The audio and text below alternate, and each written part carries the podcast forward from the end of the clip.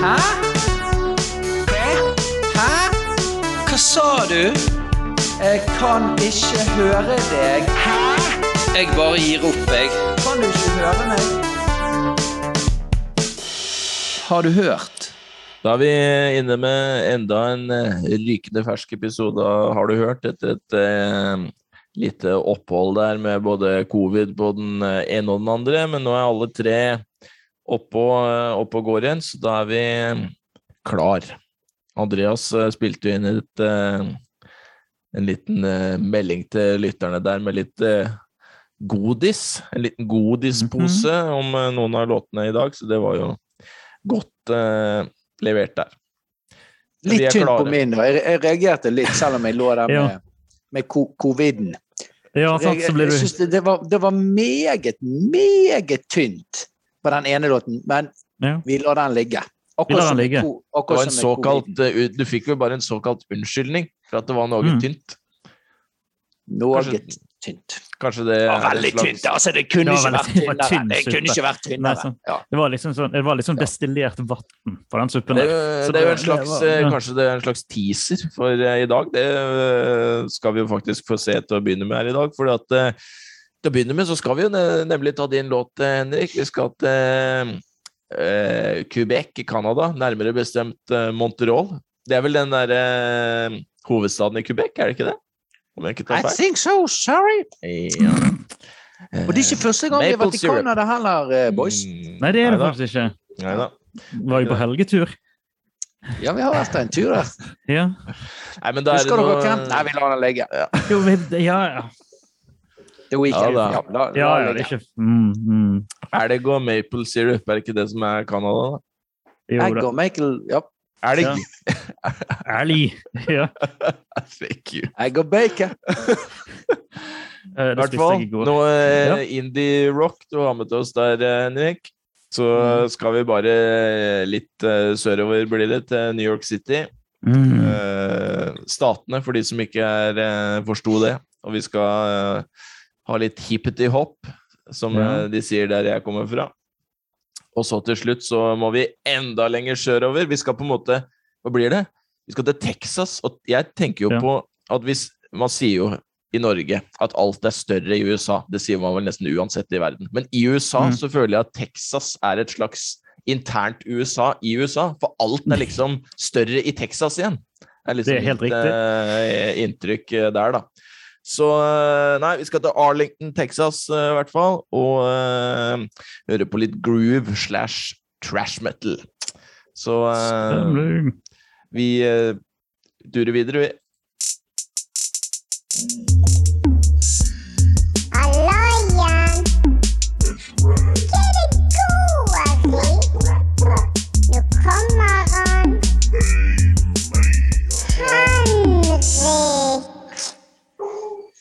Ja. Som bjeffer og boffer det i bakgrunnen, vet du. Det gjør så. Dixie er i gang. Vi sier i gang konen kom hjem, så der. Ja, ja, ja. Men eh, i alle fall, la det være en Segway.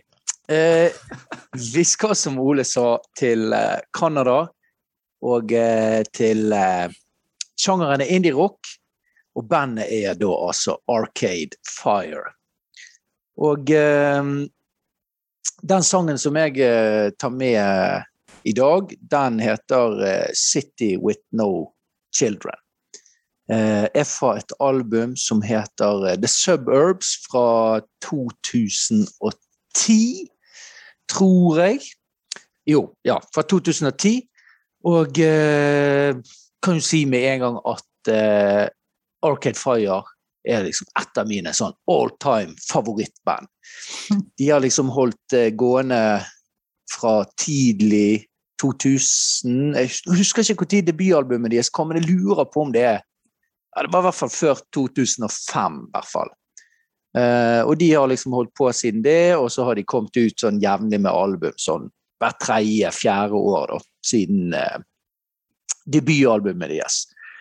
Og uh, de er vel eh, hvert fall så vidt er meg er bekjent, så er de vel kanskje Eller de har liksom i hvert fall veldig lenge så har de på en måte eh, liksom ledet denne indie-rock eller båret denne indie-rock-fakkelen. Altså, de er vel kanskje et, et av de bandene som på en måte har vært mest sånn konsistent og kom lengst i liksom den der tidlig 2000 eh, indie-rock-bølgen som kanskje oppsto eh, den gangen, da.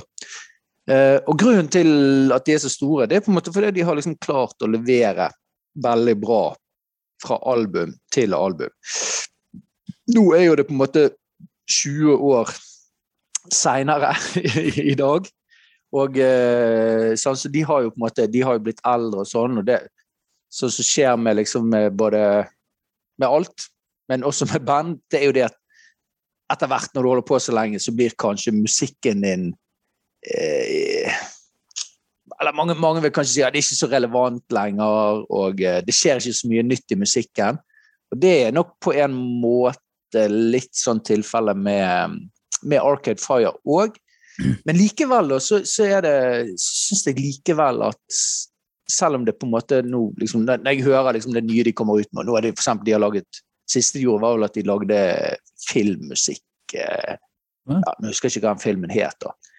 Men, eh, men, men de klarer på en måte likevel å fornye seg, selv om det kanskje ikke er Kanskje, kanskje, det, er jeg som har endret meg.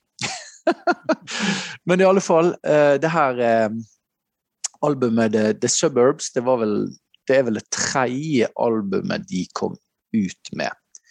Og det første albumet til dette bandet, for de som kjenner til de eller er interessert i å sjekke de ut, det regnes jo som liksom en av tidenes beste debutplater i, i moderne tider.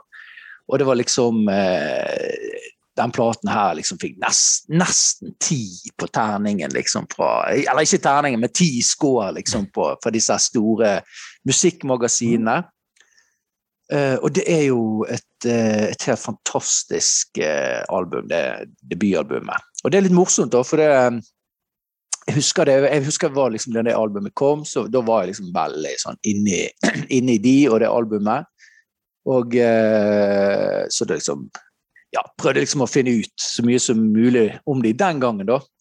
Og da er det en sånn historie som jeg liksom, eller som bare liksom dukker opp i hodet mitt sånn av og til, da. Og det er det at um, eh, Jeg tror det var de intervju med de eller noe sånt, men i hvert fall når de kom inn i studio da med låtmateriale til, eh, til det albumet, da, så hadde de liksom eh, det var på, Så var det på en måte egentlig ikke rock i det hele tatt, men det var veldig sånn, bare sånn, veldig sånn rolige, sakte låter. Som visst var veld, veldig sånn nedstrippet og mye trekkspill og greier. da. Men da hadde han, eh, han produsenten i studio han liksom sa sånn Nei, glem det her. Skrudd opp eh, tempoet på alle låtene. Kjørt litt mer sånn streite rocketrommer. Og så ble det liksom en av moderne tids eh, beste debutplater, da. Ja. Um, ja. Men så til dette her albumet The Suburbs, for det er jo da mitt, eh, mitt favorittalbum. Og eh, mens de på en måte på de to første kjørte litt sånn mer sånn klassisk indie-rock med mer sånn klassiske rockelementer med gitar, bass, trommer. Eh, så har de òg alltid vært, hatt litt sånn ekstra De har jo òg innenfor en sjanger som eh, heter barokk-rock. Og hvis du er i den sjangeren, så betyr det bare da, bruk, altså, da, da har du gjerne med eksempel litt sånn trekkspill og litt fiolin og, og sånne ting. da. Så de har liksom alltid ja, spedd på med litt eh, sånne instrumenter som ikke er sånn typisk rock, kanskje. For det ligger en slags, sånn der, en slags orgel i bakgrunnen på den låta her du har valgt det, også, eller? Er jeg ute Jo, det er vel, jo da, jo da, det er nok det. Det er nok det. Du kan godt hende det er noe fiolin òg. Men i hvert fall på dette albumet The Suburbs, da, mens de før hadde vært litt mer sånn eh, litt sånn safe med klassiske instrumenter, så her så begynte de på en måte å bli litt mer sånn, gå i en litt mer sånn elektronisk eh, retning da, på dette albumet her. Eh, og de har jo en, det er en låt på det albumet som heter Sprawl, som kanskje er en av de mest, en av de største låtene deres. Eh, og den er, ja, den er på en måte sånn full elektronisk, da. Uh, og da er det Men det er ikke det han her som synger, da. De er jo et ektepar da, som er på en måte front, i fronten av dette bandet her. Okay. Så på Jeg tror ikke hun synger på jeg vet ikke om hun synger på flere av låtene. altså sånn, Hun korer jo, men jeg vet ikke om hun har sånn hovedpokal på flere av låtene. Men akkurat på denne Sprawl, eh, der synger hun. da, Og det er liksom en sånn, en sånn live-favoritt. da. Men i alle fall, eh, det er ikke den sangen jeg har valgt. Eh, jeg har jo valgt den eh, City With No Children. Og eh, jeg husker første gang jeg hørte den sangen, så det var liksom bare Jeg bare elsket han fra første sekund. Og jeg, jeg vet ikke hvorfor, for det, i utgangspunktet så er det en litt sånn eh, usannsynlig låt for meg, og han Som jeg sa, sånn at de har på en måte De har veldig, veldig mange kjente sanger. Eh, og på en måte når disse her har sluppet album, sånn, så er det på en måte topper de listene i USA, og de topper de i Storbritannia. Liksom, de, så de har, de har masse sterk, kjempesterke låter da, som er mye mer kjent enn denne her. Men av en eller annen grunn så, så, eh, så det er noe med den sangen. Og liksom det mest umiddelbare for meg, eh, kanskje med bandet, det er så jeg syns jeg liker veldig veldig godt den stemmen til han eh, vokalisten. da. Syns han har en utrolig flott, flott stemme. Og så er det selvfølgelig det der eh, bassriffet som Mm. eh, sant? Han har en sånn eh, bassgang der. Men bortsett fra det, liksom vokalen, det der bassriffet? Altså, som Ole sier, er det orgel, er det en fele, er det en gitar med en eller annen effekt? Det er ikke så godt å si alt det der andre som, som er der. Men, og, og lite trommer. Sant? Det er kanskje, jeg vet ikke om de, han slår på en tamburin eller en symbol eh, Mm. underveis der. Men, men det er i hvert fall et eller annet med denne sangen der. Som er, det, er nest, det blir litt sånn høytidelig, og når det refrenget kommer, så det er nesten litt sånn der som å sitte og være og høre på en preken. Ser nesten liksom for meg at det er en sånn predikant eller du er i en kirke, og der står liksom kommer det der eh, Sitter du og hører på en preken, og når, eh, når det der refrenget kommer inn, så da liksom reiser hele menigheten seg og synger med.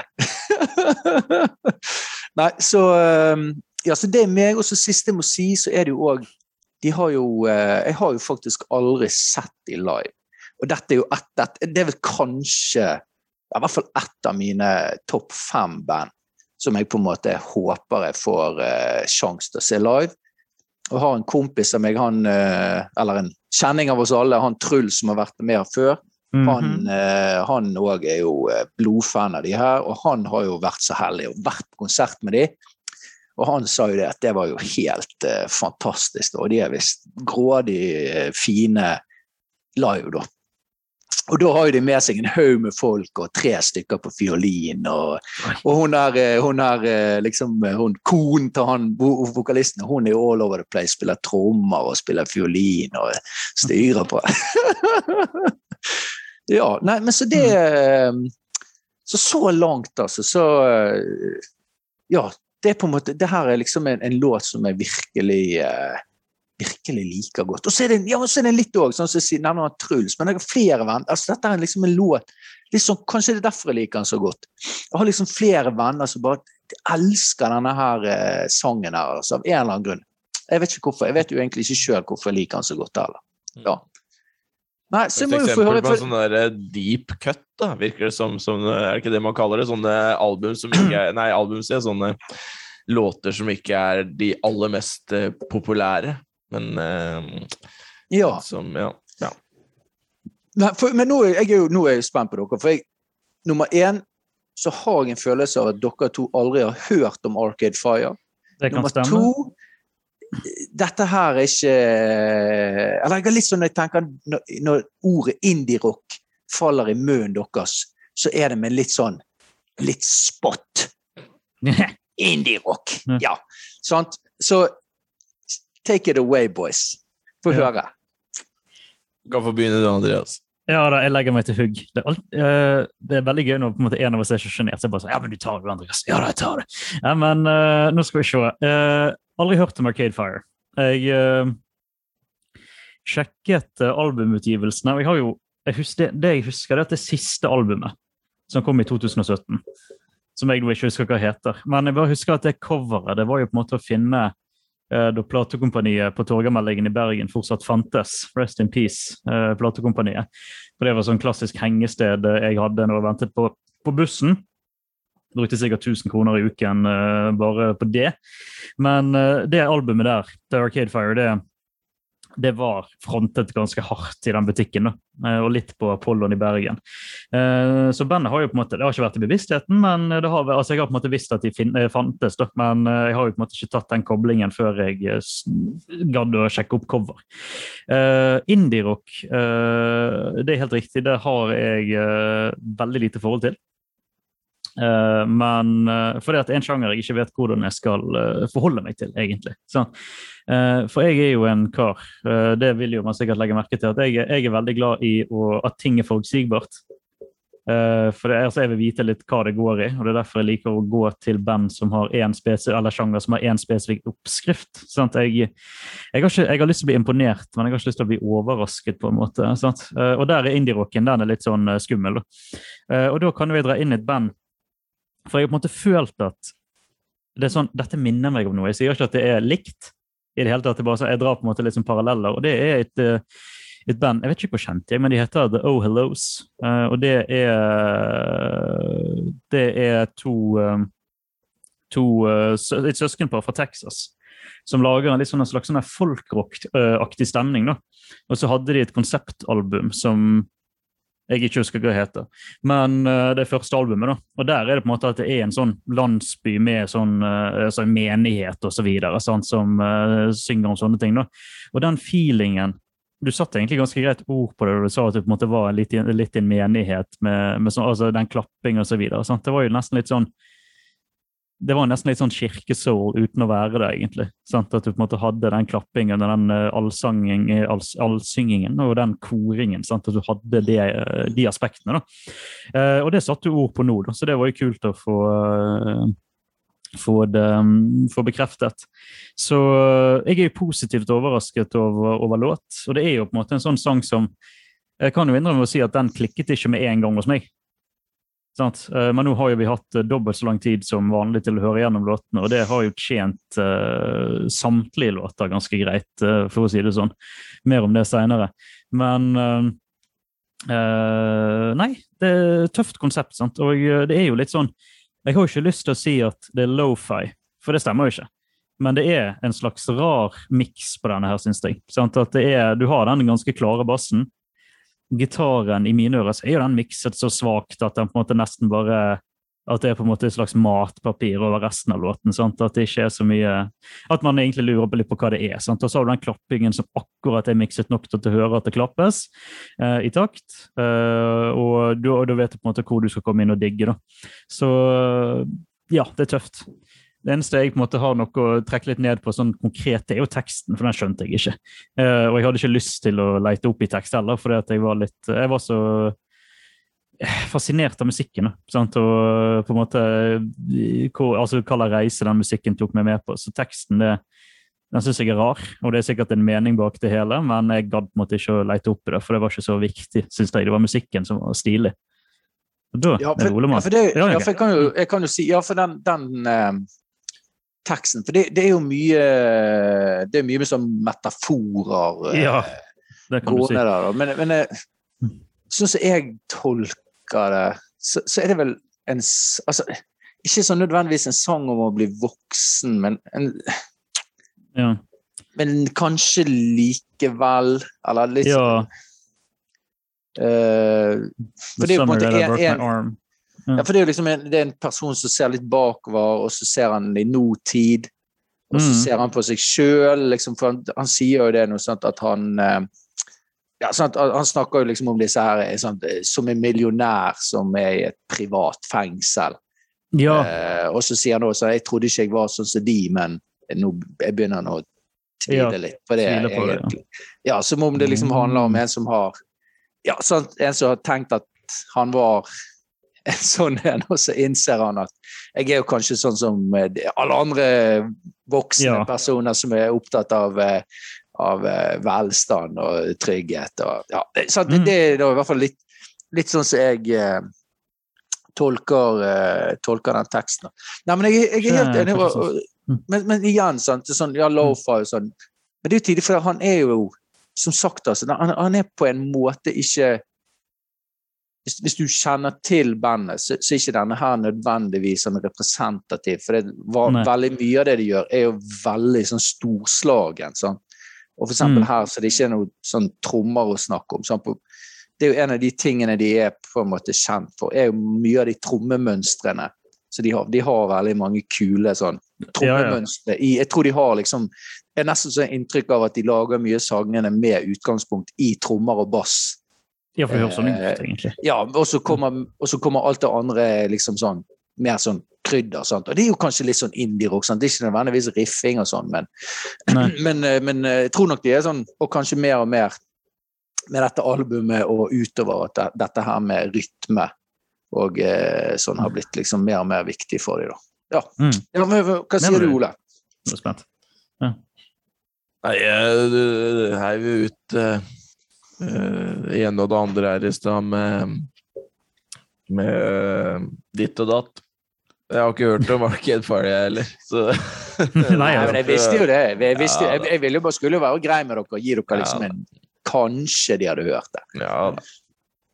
Nei, uh, nei, altså om jeg, om jeg tar indie-rock i min munn med liksom spott og spe og tenker at det er noe drit altså jeg, Litt som Andreas sier, jeg har i veldig liten grad uh, noe forhold til det, altså. Men liksom uh, Før jeg hørte den, så liksom sånn jeg tenkte at indie-rock skulle være, det var jo litt sånn som denne låta er, da. Ganske sånn, Ja. litt som jeg har vært inne på miksen. Altså, jeg føler det er en ganske sånn rein miks, på en måte. Altså, det er jo på en bra måte. Da, at du kan jo høre alle elementene veldig klart, og så spiller de jo veldig fint sammen. Da. Jeg liker veldig godt uh, det samspillet mellom uh, bassen og gitaren.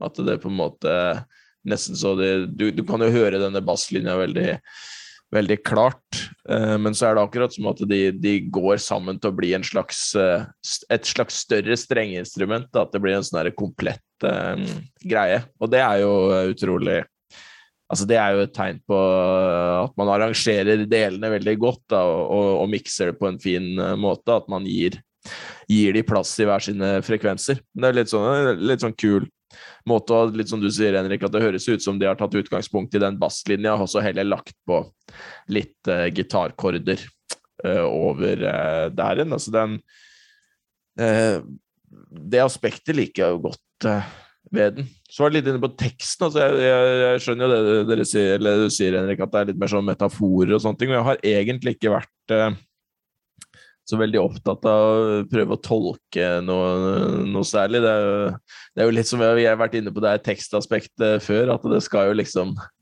ofte veldig mye til før man går dypt inn i teksten. Men, men jeg satte pris på teksten her, øh, her altså, men litt øh, øh, mer kanskje sånn bokstavelig. At jeg synes er, det er jo metaforer, som du sier, men det er veldig sånn billedlig. Og kanskje særlig egentlig bare det bildet eh, av City with no children in it, som han Mm. sier da, i, i Ja, Et, et veldig sånn sammen med stemningen av, eh, av det musikalske. Og når den linja kommer, så er det et sånn der eh, Jeg får, jeg får, altså jeg får et sånn derre postapokalyptisk eh, bilde av, av en død, av en død. Ja. Så, jeg, så jeg drev og, jeg drev og tenkte litt sånn, og når det da er snakk om litt sånn herre eh, mi, eh, og sånne type ting. Jeg, jeg kom jo med en gang på litt sånn derre eh, assosiasjoner til liksom eh, klimaaktivisme og liksom litt sånn der antikapitalistiske eh, trekk og sånne ting. da. Og det, er- Mm. det er helt sikkert ikke det det handler om, men helt sånn bokstavelig da, så var det det, det jeg assosierte til det. Og liksom et sånt aspekt jeg syns var, var eh, for så vidt ålreit. Men litt som Andreas, altså første, og til forskjell fra deg, Henrik, så var førsteinntrykket mitt av den sånn her eh, litt sånn øh.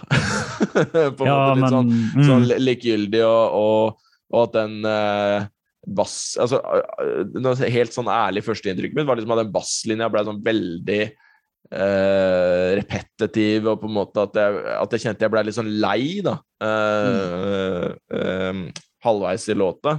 Men det har nok endra seg litt eh, etter hvert som jeg har hørt på låta. og så jeg snakker jo om det med dynamikk til det kjedsommelige, og det kan jo kanskje være litt det som den derre eh, tendensen jeg har i å, å være opptatt av, av det med dynamikk, da, som kanskje slo, slo ut. Men at jeg liksom var sånn her Å, her skjer det relativt lite, da, ut ifra mye av den musikken eh, jeg øh, hører på, var liksom førsteinntrykket. Men etter å ha hørt på låta en del, del flere ganger, så er det jo det er jo noe driv der, på en måte. Eh, Og det kommer jo eh, Altså det kommer noe mer driv i rytmen på en måte etter hvert. Og det, og det kommer jo også inn det her elementet med at hun, hun eh, kona hans er med og, og synger. Eh, ja. Synes jeg, jeg, jeg kan skjønne hva du mener med at du liker den stemmen hans, men jeg liker kanskje stemmen hennes enda bedre. Og særlig det det derre samspillet, da. De, eh, de to har. Jeg vet ikke om det er litt som du jeg vet, Apropos det, altså det med sjangermerket her, som vi av og til eh, snakker om. Det her, når jeg, når jeg sier det her, Henrik, at eh, når jeg tenker indie-rock, så er det dette Mm. her Jeg tenkte Da jeg hørte det, så bare Ja, det her er veldig så stereotypisk indie-rock, var, det- var det jeg eh, tenkte, da. Men, men så sier du jo at den her kanskje er litt eh, litt utypisk til å være de. Så jeg, så jeg vet ikke om jeg treffer der, eller om jeg er ute og kjører, eller hva vil du si? Nei, altså jeg vil jo si at, at selv, om, eh, om den sangen er, er altså, litt, litt utypisk de, eller litt utypisk for resten av albumet. Men, men på andre siden så, så er det jo så er det jo flere låter på det albumet som er litt sånn som bryter. Altså det er flere låter på det albumet som bryter litt. Men jeg er jo helt enig. altså Jeg tenker jo at, at denne, denne sangen her og de er, er liksom inne i det som blir kalt for indie-rock, som er blitt et helt sinnssykt begrep, sant? Eller hvitt begrep. Men det dreier seg vel rett og slett bare om at uh, dette her er ikke, det er ikke så glatt som eh, rock som ikke er indie.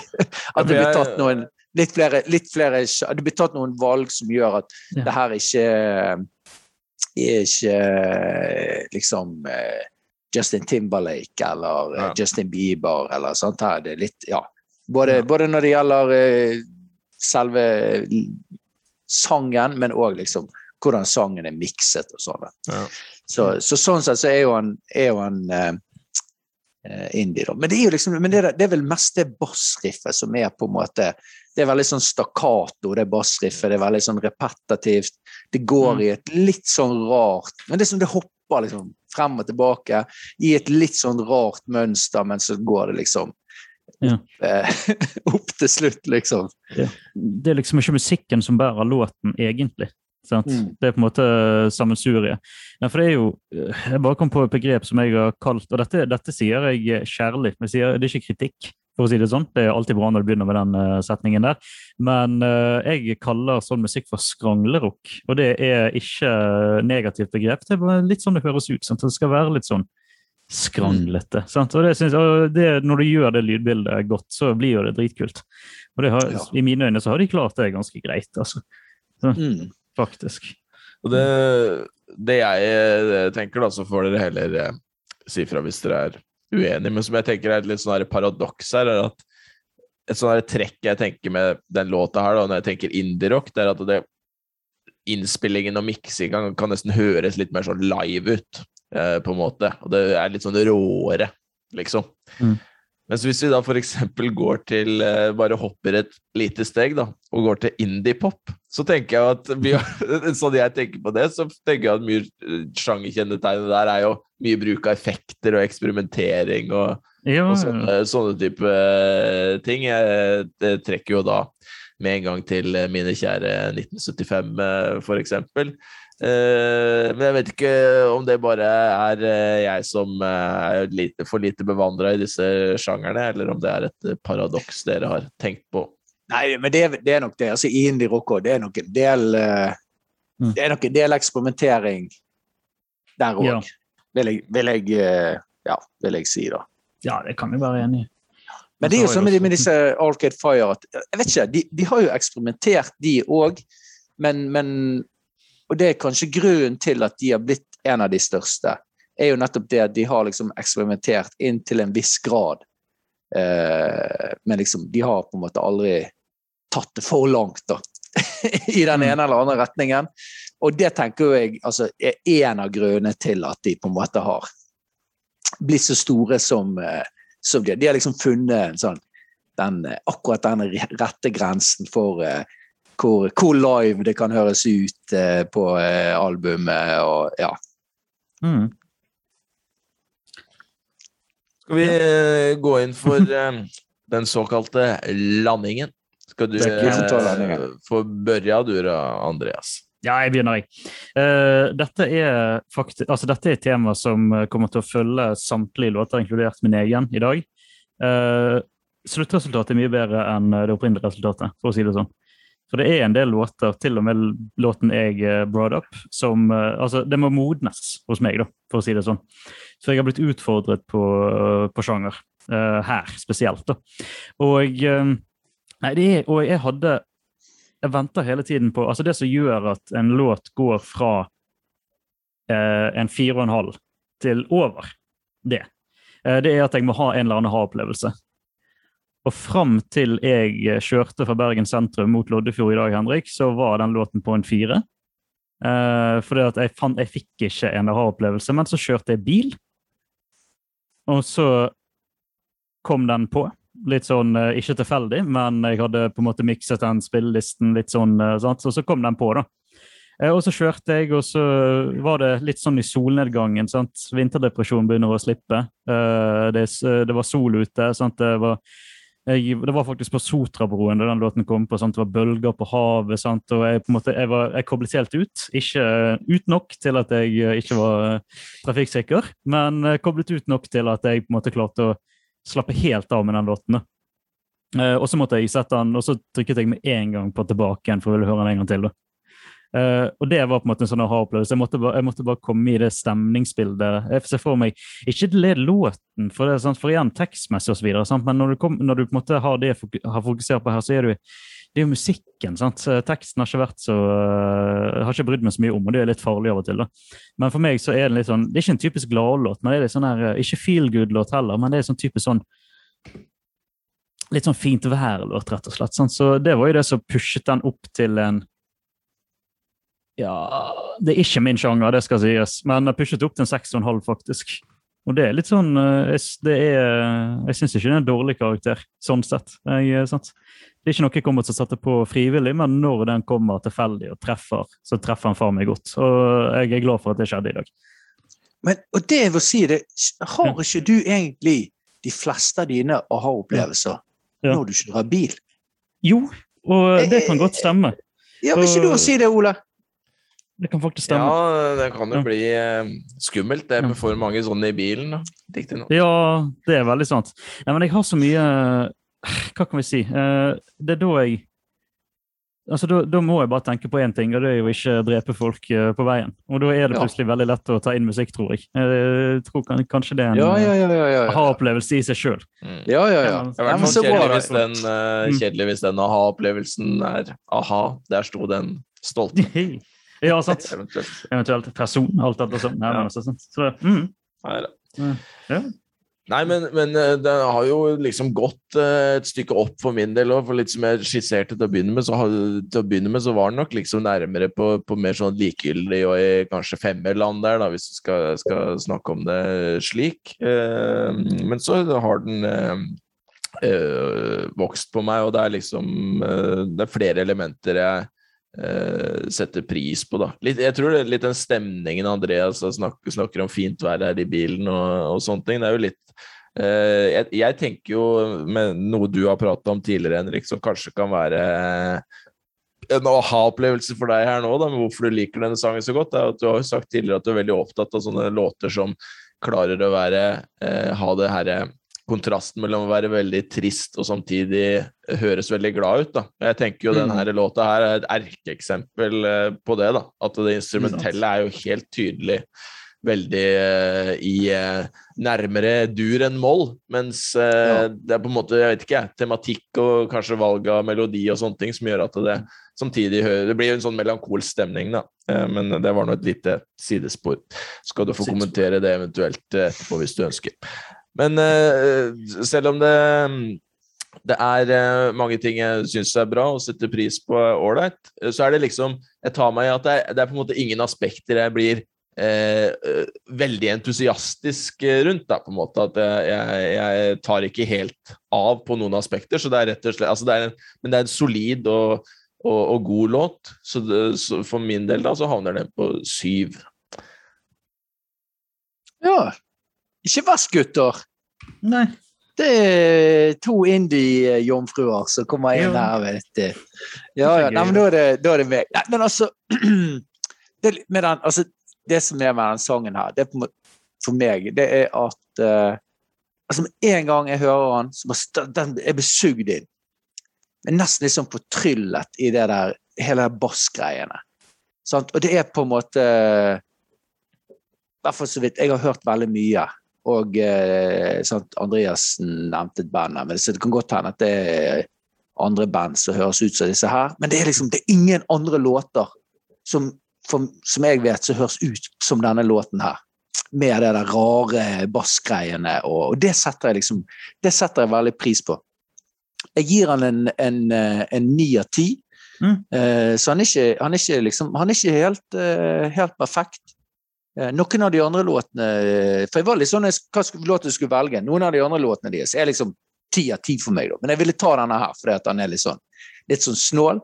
Men jeg òg. Ja. Det, liksom, det, det jeg savner med den, det er vel rett og slett det at eh, jeg skulle kanskje altså, Kanskje et eller annet sted i sangen at det hadde vært ikke, ikke sånn voldsomt brudd, men kanskje en, et eller annet som hadde vært liksom forlø, mer forløsende enn kanskje det eh, siste refrenget, eller at han avslutter går ut, liksom, ut i det der bassriffet på slutten. Da. Men liksom, det, det, alltid, liksom, det har alltid vært en liten sånn greie med den sangen. da.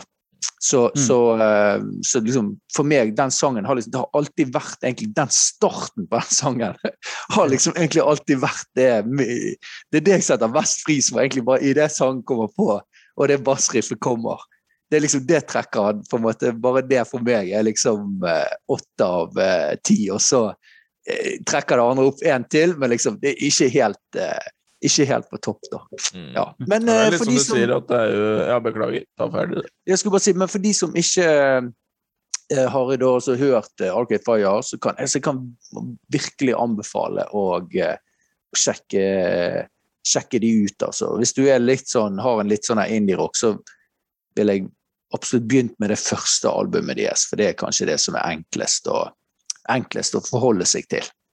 Det kjente jeg ble litt sånn uh, interessert i når du la det fram her tidligere. Så får vi se Ja da, men der, der må, må, må sjekke. Men de, de, der- en del av det der som ligger på, på, på denne topp fem på Spotify, det, der er det noe flotte. Mm. Flotte som kan gjøre. Men jeg syns det var kult det, å ta liksom en litt sånn, jeg har som sagt tidligere, en sånn deep cut-låt, liksom. Det er litt, eh, litt artig. Men eh, vi ender i hvert fall på et snitt på syv og en halv, eh, dere. Så solid. Samme som det. Bee Gees. Nei, Er det det? ikke Nei da. Er så rart. Det er så rart at jeg har-. Ja. Det er så rart at jeg har nevnt det, altså tatt den låten. Vi har hørt på den Ja, i du hele eier den. Altså, eier den Det kommer, kommer, kommer til å stå på gravsteinen i det der, Andreas. De ikke er Metallica. Ja, nei, Det, det, altså, jeg har bestemt, jeg skal rett og slett, Selv om jeg er eldre enn deg, så skal jeg rett og slett leve lenger enn deg. Så Ja. jeg skal sørge for at på den Mm. gravsteinen så skal det stå den poengscoren du ga til Ja, DJs, og den du ga til Metallica. ja, men, vær så, ja, men du, du skal få lov til det. Altså, selv, selv, om det må, faen, selv, selv om jeg ikke kan snakke altså Jeg må skrive det ned på en, på en lapp ja, ja, jeg er 85 til Mm. ungene mine. Mm. Dette må dere faen meg huske. Det står, det står ikke en dritt i testamentet, ingenting. Det står bare det jævla serviett, liksom. Er ikke det de sier? Alle, alle gode ting, eller gode ideer og sånn, det skal du kunne skrive ned på en serviett. Så det er jo Mm. uh... Dette skal skrives på en serviett. Det skal skrives på en serviett, ja. Ja. Cecilie på kjøkkenrull, for det er det jeg har for hånden. Men, nei, nei. Nei da. Vi får bevege oss um, til New York. La oss.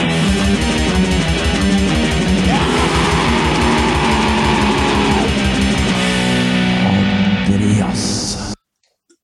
Oi. Nå må du våkke oss nå, Andreas. Ja, ja, ja. Her, altså, sjelden har vel den jingle vært uh, lenger ifra sjanger vi skal preike om. Eh, jeg har lyst til å fortelle litt eh, om eh, for det første mitt forhold til For vi skal jo til New York. Vi skal nærmere bestemt til, Brooklyn. Vi skal til Beastie Boys. Og jeg Hva kan vi si? Jeg, jeg skylder altså Når det kommer til, til min altså til min musikksmak nå, så skylder jeg eh, aller mest Beastie Boys, tror jeg. Kanskje Beatles òg, men mest Beastie Boys, faktisk. For at jeg har på en måte dyppet tærne i, i Altså ikke dyppet tær, altså tatt meg et, eh, tatt meg et bad i rappen, dyppet tær i jazz, sant? funnet hardcore.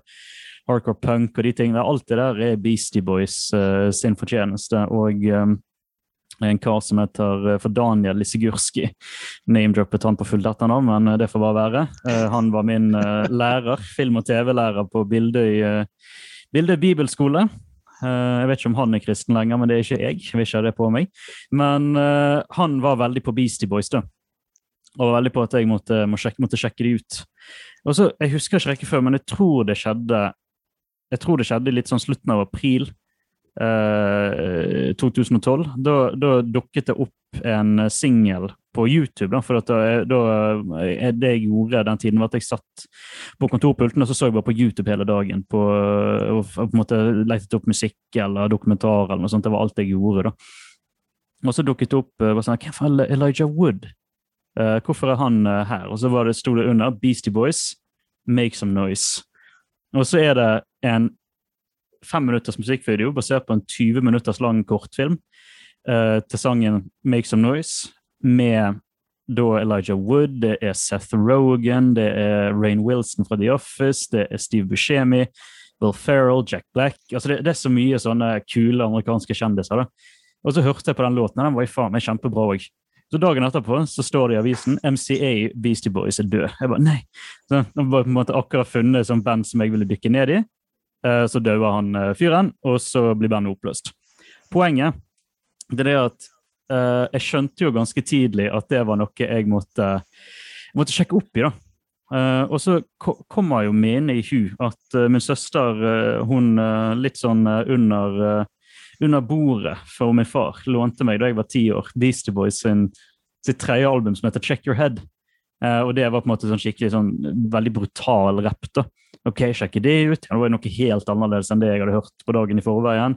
Sjekke ut debutalbumet, som var sånn 808-basert uh, opplegg. Det var helt annerledes igjen. Uh, så fant jeg et album uh, som var bare jazz, samme bandet, sant? og så var det en EP som var hardcore punk. Så det var så mye på en gang sant, i det bandet. Um, og så har jeg på en måte den singelen som jeg tror at Beastie Boys er mest kjent for, og det som gjør at for meg da Beastie Boys briljerer. Og det er da Intergalactic, som kom ut i 1998. Uh, som var første singel fra femte albumet som heter Hello Nasty. Og eh, coveret på den singelen er en hamster, en veldig stor hamster, sånn type Godzilla-størrelse, som eh, skal spise mange redde folk. Det er et ganske kult albumcover. Uh, og eh, jeg har så mye å skylde til Beastie Boys når det kommer til, til rapp og lyrikk og de tingene der, og hiphop osv. Eh, veldig mange krediterer jo de for å være de første hvite rapperne som virkelig eh, Altså, de første hvite rapperne, det er feil.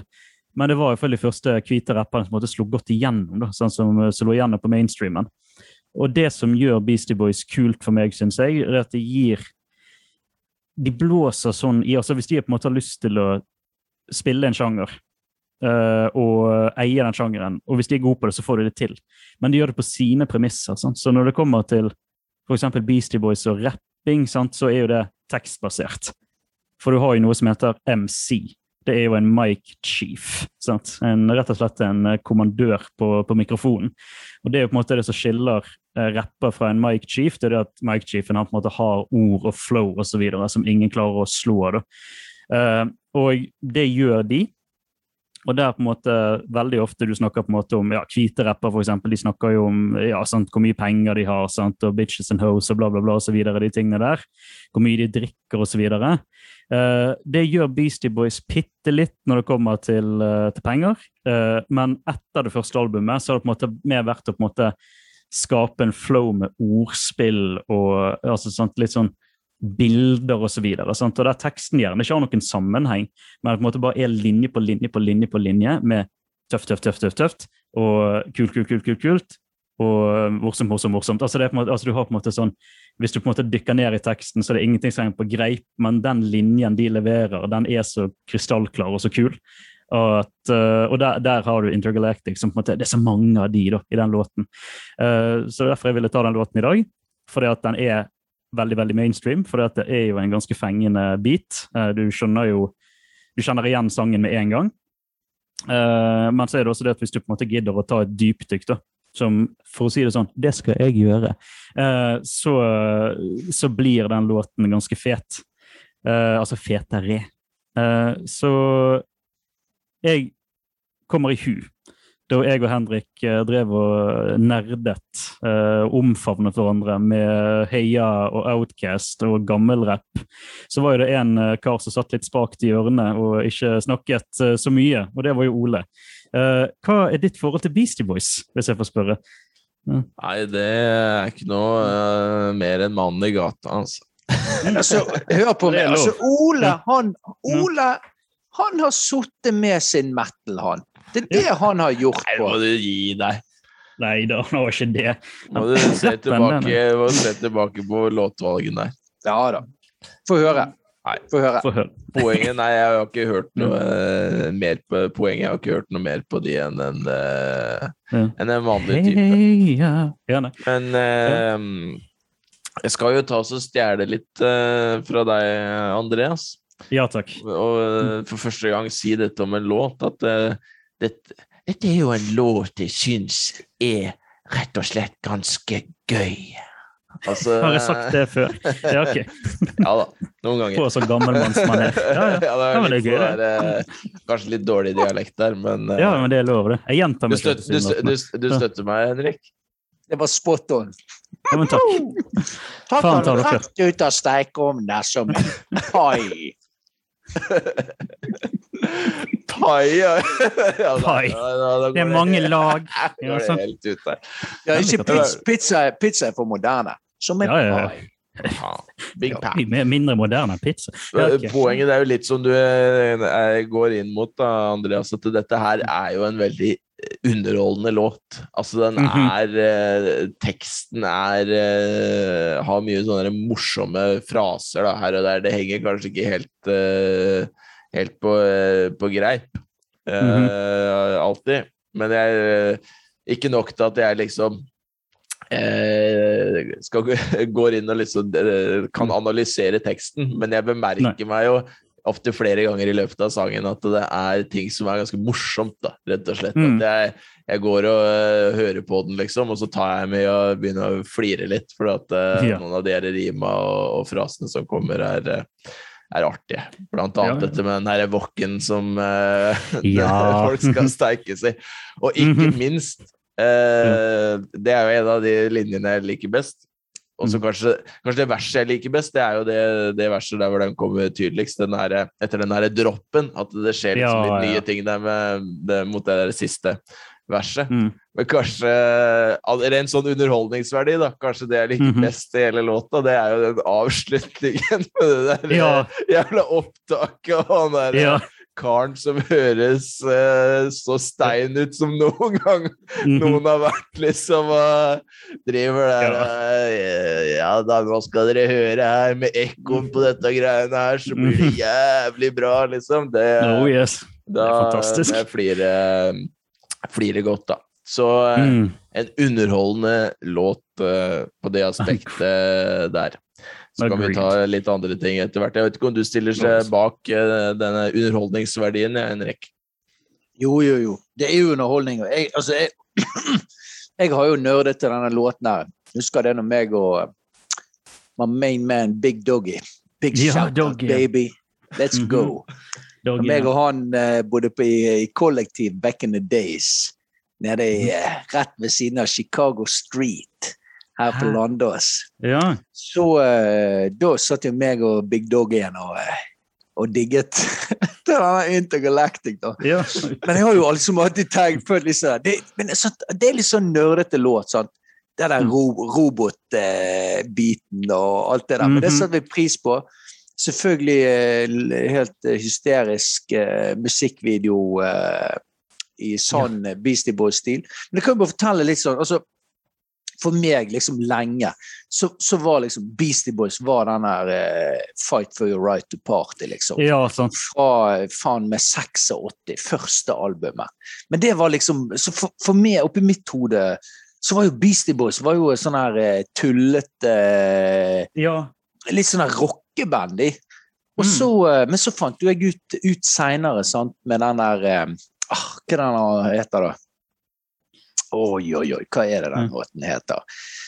Eh, Fra den her Den heter Er det Sabotage du tenker på? Sabotage. Sabotage. Ja, ja. Og den er så tøff, da. Ja, så liksom, så når jeg opp, oppdaget det, så, så skjønte jo jeg at ok, ja, det liksom De driver med noe annet enn en sånn her Mm. fratboy-party, Ja. eh, rock'n'roll.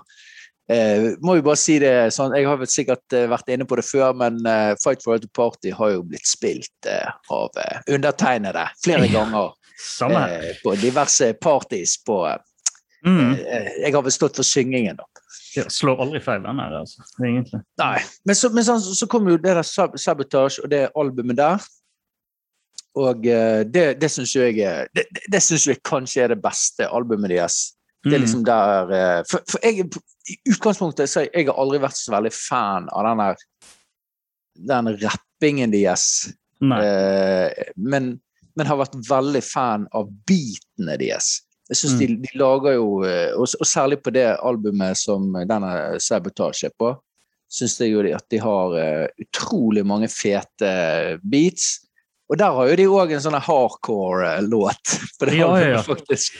Heart Attack Guy, uh, ikke Ja, jeg, husker ikke hva det heter, men, men, men um, Så der, der har jo det, kommer jo det plutselig, plutselig inn, da.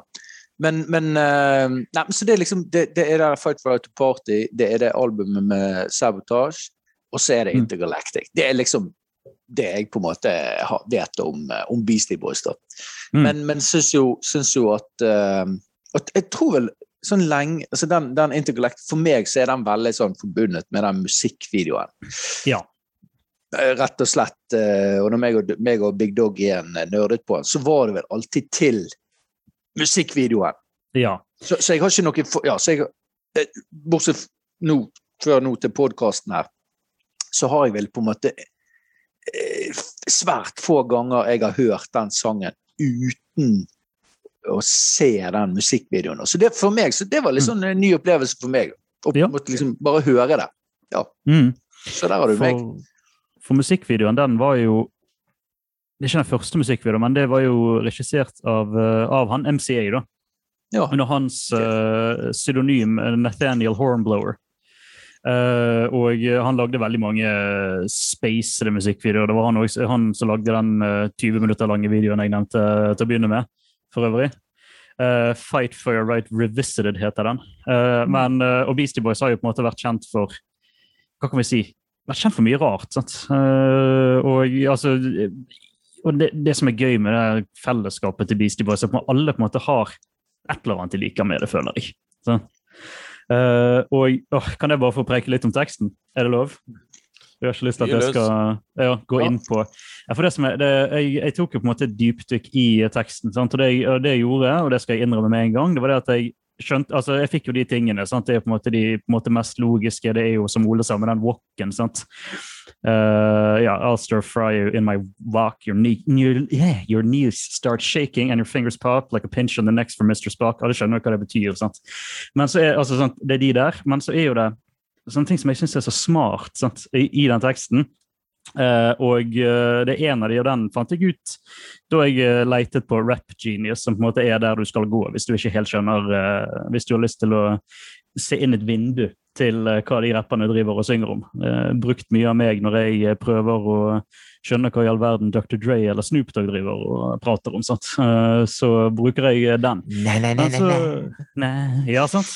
Så dere Superbowl halftime show? Det må dere gjøre. Oh, yeah. Eh, oh, yeah. Det, var, det var gøy. Koste meg. Eh, men jo, og så sier han eh, For det- det er på en måte en greie jeg aldri helt giddet å bry meg om, for jeg tenkte ikke at det var så viktig. Men Mike D på første verset så sier han Got numbers beyond what you can dial. Maybe it's because I'm versatile. Sant? Og det er jo sånn, Jeg har nummer mye høyere enn det du kan ringe. Eh, kanskje fordi at jeg er så allsidig. Og det som betyr da, det er at telefonnummeret i USA de er ti nummer langt.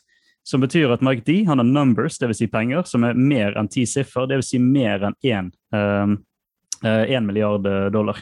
Så så rik er Mike D.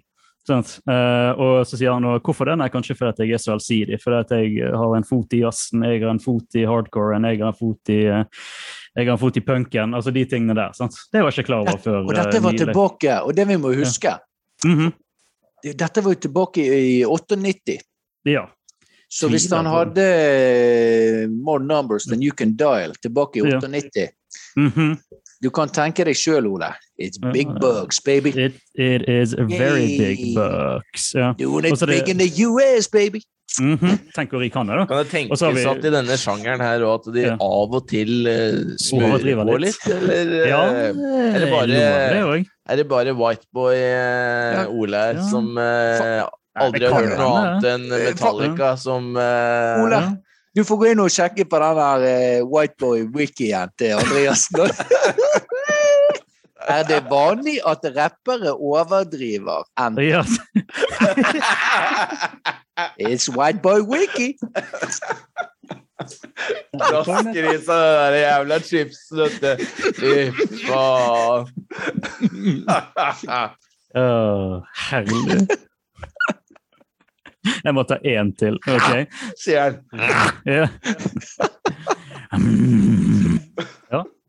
Eh, ok, du skal få ta en linje til, Siste. du, Andreas. Ja. Ta det, Det er lov til å si. ja. Og da tenker jeg teksten, ikke noe sånn derre uh, rappegreier. If you catch Nei. my drift. Nei, det, det, det skjønner jeg. Ikke, ikke Nei, en rappelinje. Nei. For uh, igjen, altså for jeg har et så forhold til Beastie Boys, og uh, altså, jeg kommer til å nerde på dem. Uh, en av de første tingene jeg gjorde med uh, min kone altså, sånn, sånn, vi, for, uh, for de som ikke, for de uinnfridde, vil si lytterne, så er jo min kode hun er fra America. Uh, det er et land uh, litt vest for Norge, over et hav og sånt.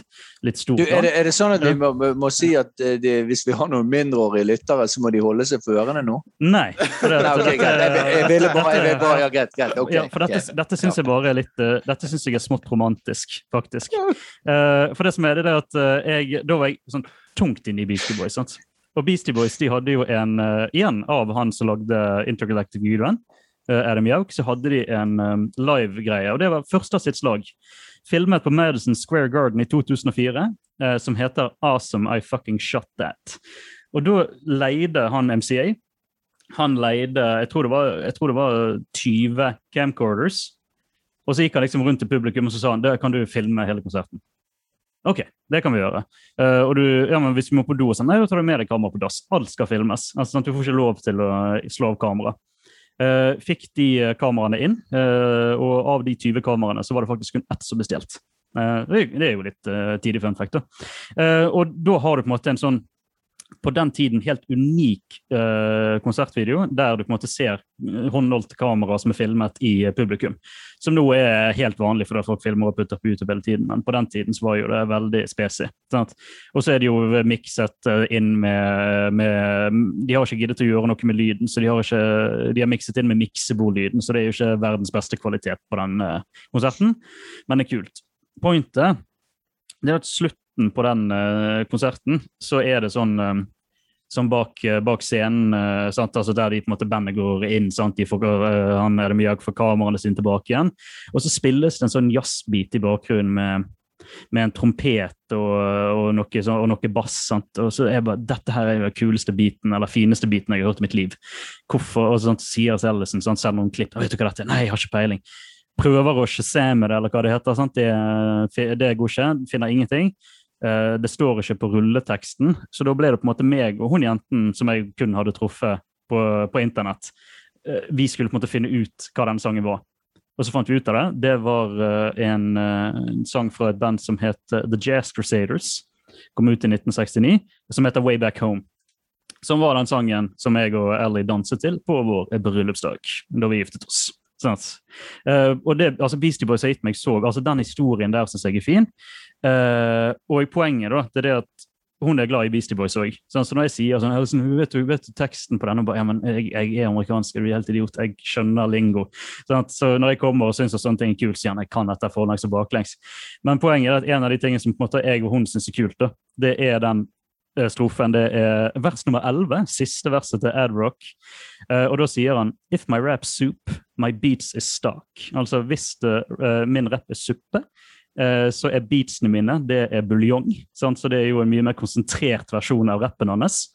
Uh, Step from the table when I start to chop. I'm the lumberjack DJ Ed Rock. Som betyr at sant, gå vekk fra miksebordet når jeg begynner å choppe. For jeg er en eh, lumberjack, og hva gjør lumberjacks? De chopper, så han er god på det. Sant? Altså, jeg synes det er så, det er så kult. Altså, altså den, den tingen der, altså, sant? Det gir jo 100% mening, men det er så tøft, bare. Jeg elsker på en måte hvordan mm, Jeg elsker den teksten. Det er rett og slett. Jeg syns det, det er så smart, bare. Så det, det er vel ikke noe overraskende at jeg er, litt, jeg er veldig glad i denne, dette bandet. Så det er egentlig bare det jeg vil si. Mm. Det har mye, gitt meg mye glede, rett og slett. Nei da, og jeg er jo enig. òg. jeg òg uh, syns jo at, at, jeg, at det er gøy med, med Beastie Boys, og uh, digger en del av låtene deres. Men som jeg sa, liksom at for meg så er det liksom det forholdet jeg har til dem, det er liksom det er som sagt det er veldig sånn her det, For meg så er de liksom en sånn musikkvideoband, Ja, Altså det er det forholdet jeg eh, jeg har til dem. Så det har nok, det, og det har nok litt sånn farget, eh, farget meg, da. Og jeg har liksom aldri eh, Ja, Beastie Boys er liksom ikke ett et av de bandene som jeg har hørt hørt mye på, da. Selv om de Men, så, men, jeg, men jeg, jeg vet jo, altså, de, de er jo på en måte veldig kjent og eh, liksom et, et stort band, da. Men, men de har liksom jeg, jeg, Av en eller annen grunn, da, så har jeg liksom aldri aldri hørt mye på de, da. Nei. Altså, selv, om, selv om jeg har hørt mye om de. Mm. Ja. Ja, det er litt sånn um, Jeg føler da at det er veldig sånn eh, Som egentlig alle er inne på, er veldig sånn underholdningsfaktor. og Litt sånn du var inne støtter det punktet du var inne på tidligere, Henrik, med at det er ikke nødvendigvis den rappinga jeg sitter og tenker at dette her er veldig bra fordi det nødvendigvis er kjempemusikalsk, og denne her er litt sånn derre eh, På slutten av hver frase så er det at litt flere blir med, og den derre eh, greia der. Det er, Mm. det, er mer, det er mer for at det er det blir litt eh, funny og litt underholdende, da. Og at det Mm. får frem litt trøkk på noen av de morsomme frasene. Men det er liksom ikke sånn at jeg sier oh, det der var jævlig kult på en musikalsk måte.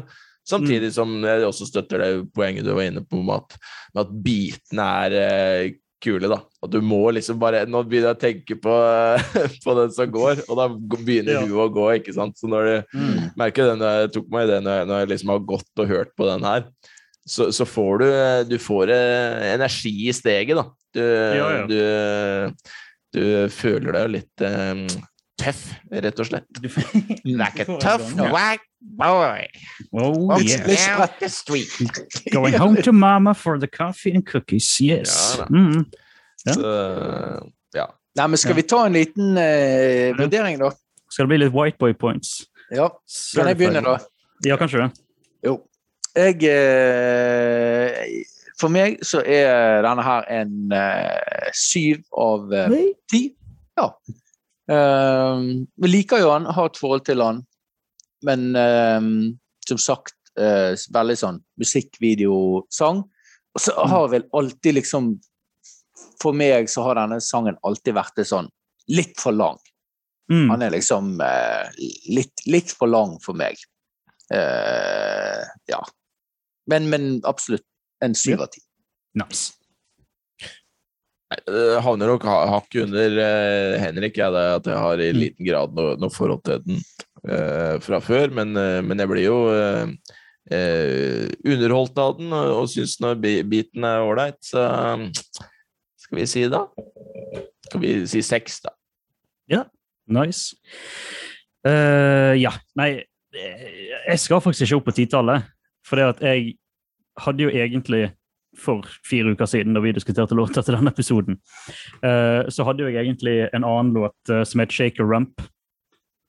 Og den er jo Det er jo så ADHD. sant? Altså, det, det, det sånn, altså, sant? Det, er- jeg tror at det er første altså, det, er, det er min go to Beastie Boys-låt. da. Eh, men eh, altså, det er så mye tekst og mye dri, Altså? Det, er, det er så slitsomt opplegg. Men, altså, det, men jeg liker den låten veldig godt. Pointet Intergalactic er ikke min uh, yndlings uh, Beastie Boys-låt, uh, men det, jeg tror det er den som som dere sa, altså det er den du får, på en måte får litt sånn Du går litt breibeint etter du har hørt på den, og du smiler du humrer kanskje litt i skjegget etter du har eh, hørt uh, spesielt den høye uh, kisen eh, som, har- som, eh, som det heter i Dark Tower, har eh, røykt litt mye devil weed. Sant? Eh, han har kost seg litt med det. Men uh, helhetlig så er det veldig bra. Og for meg så er helhetlig så er det en nier. Ganske, ganske sterk nier. Uh, det er Beastie Boys-låter som er bedre, som er ti av ti. Men jeg ville se hva som skjedde hvis jeg tok den jeg mener er mest kjent på hiphop-stil. Eller så hadde det blitt sabotasje jeg hadde tatt, selvfølgelig. Så da. Sabotage! Nei, jeg er så tøff. Den, basslinjen- den, der har du basslinjen. Ja, det er veldig bra, den starten på den. Mm. For det, det er bass med eh, fuzz-pedal. Sånn. Ja, ja, ja. ja, ja. Mm, ja. Ja, skal vi droppe Ola, låta mi og heller uh, Skal vi droppe låta mi og heller ta en Beastie Boys-låt til? Ja, Skal vi rett og slett Vi Ja, dropper så er den, så, så hører vi heller på Sabotage. Ja. Ok, det- det- det- Og så ser vi på musikkvideoen òg. Ja da. Mm. Kjøre, oh, kanskje faen, det er det ja. vi skal ta, og bare Ja. ta, droppe det podkast-greiene og kjøre reaction-videoer istedenfor. Det er bedre Ja, det- det- penger i det- det, med, litt, med den skrangle-engelsken din, Henrik. Da blir det jævlig bra. Over det. Og nå skal, nå skal jeg trekke verdens dummeste røde tråd før vi begynner på Ole sin. Men den filmen som uh, Arcane, um, Arcade Fire har laget uh, filmmusikk til, det er Her, regissert av Spike Jones. Og Sabotage, hvis jeg husker helt riktig, er òg regissert. Da har jeg et forhold Ah, Spike til eh, Beklager, Andreas. Jeg må Ja, si det igjen. At, eh, da har jeg et forhold til Arcade Fire, da, for Her uh, har jeg jo sett og likt veldig godt. Ah, Der har vi Det, Sånn, det, det- kommer, det kommer inn. Mm. Full circle. Men hva var det? Jeg, jeg drev jo og Ja. over deg, beklager, Ja. Andreas. Hva var det du Nei, sa? jeg må, nei, men det var kult å gi den. Jeg må bare se Nå skal jeg søke på det, faktisk, sånn at jeg ikke står og Ja, men, da kan du ta poengene i Ja da, mens Ja, ta eh, poengene. Andreas eh, tar en eh, såkalt Gag. su søkt eh, Ja. på, Hva det hva kalte det? Whiteboy Rapper Wiki? Var det det du ja, ja, det er helt riktig der jeg er på nå. Mm. Eh, 7,33 skal vi ha på snittscoren der. Ja, ja. Ja. Skal vi kjøre Nei, hatt- Å, kom, Fant du noe, eller? Ja, jeg hadde rett. Uh, det er òg Spike Jones som har regissert uh, Sabotage-musikkvideoen. Mm. Uh, bare for å ta en liten rød tråd der, da. Så, det, så da hadde vi jo en fin rød tråd. Herlig. Mm, Nei, men vi durer lenger sørover, vi. vi, Jeg skulle jo ønske det. At når jeg har blitt metal-shama på grovt På den groveste grad her i dag av deg, Mm. Henrik. ja. At jeg liksom kunne eh, motbevise det på en bedre måte enn å se tilbake i katalogen av sanger jeg har nevnt. For det, er jo litt, det tar seg jo litt dårlig ut. Det skjønner jeg jo at jeg i samme episode da skal ta et av de største metal-bandene noensinne. Men altså, bare eh, omfavn det. Omfavn det, Ja. sier nå jeg. bare, bare vær den du er. Det er lov. Ja. Vi skal til Arlington, Texas. Et av de eh, største ba- metal-banda noensinne. Noen vil jo Mhm. si at uh, de kanskje er et av de viktigste bandene innenfor groove eh, metal.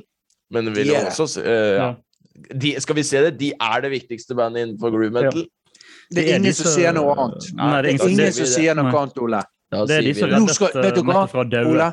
Nå skal ikke vi spare på noen ting. Nå skal skal vi kjøre fullt ut. Nå skal vi, nå skal vi kose oss. Nei, dette er jo en maksimalistisk låt vi har eh, kjørt og her har får du alt. Men altså, vi skal til Arlington, Texas. Vi skal til Pantera, selvfølgelig.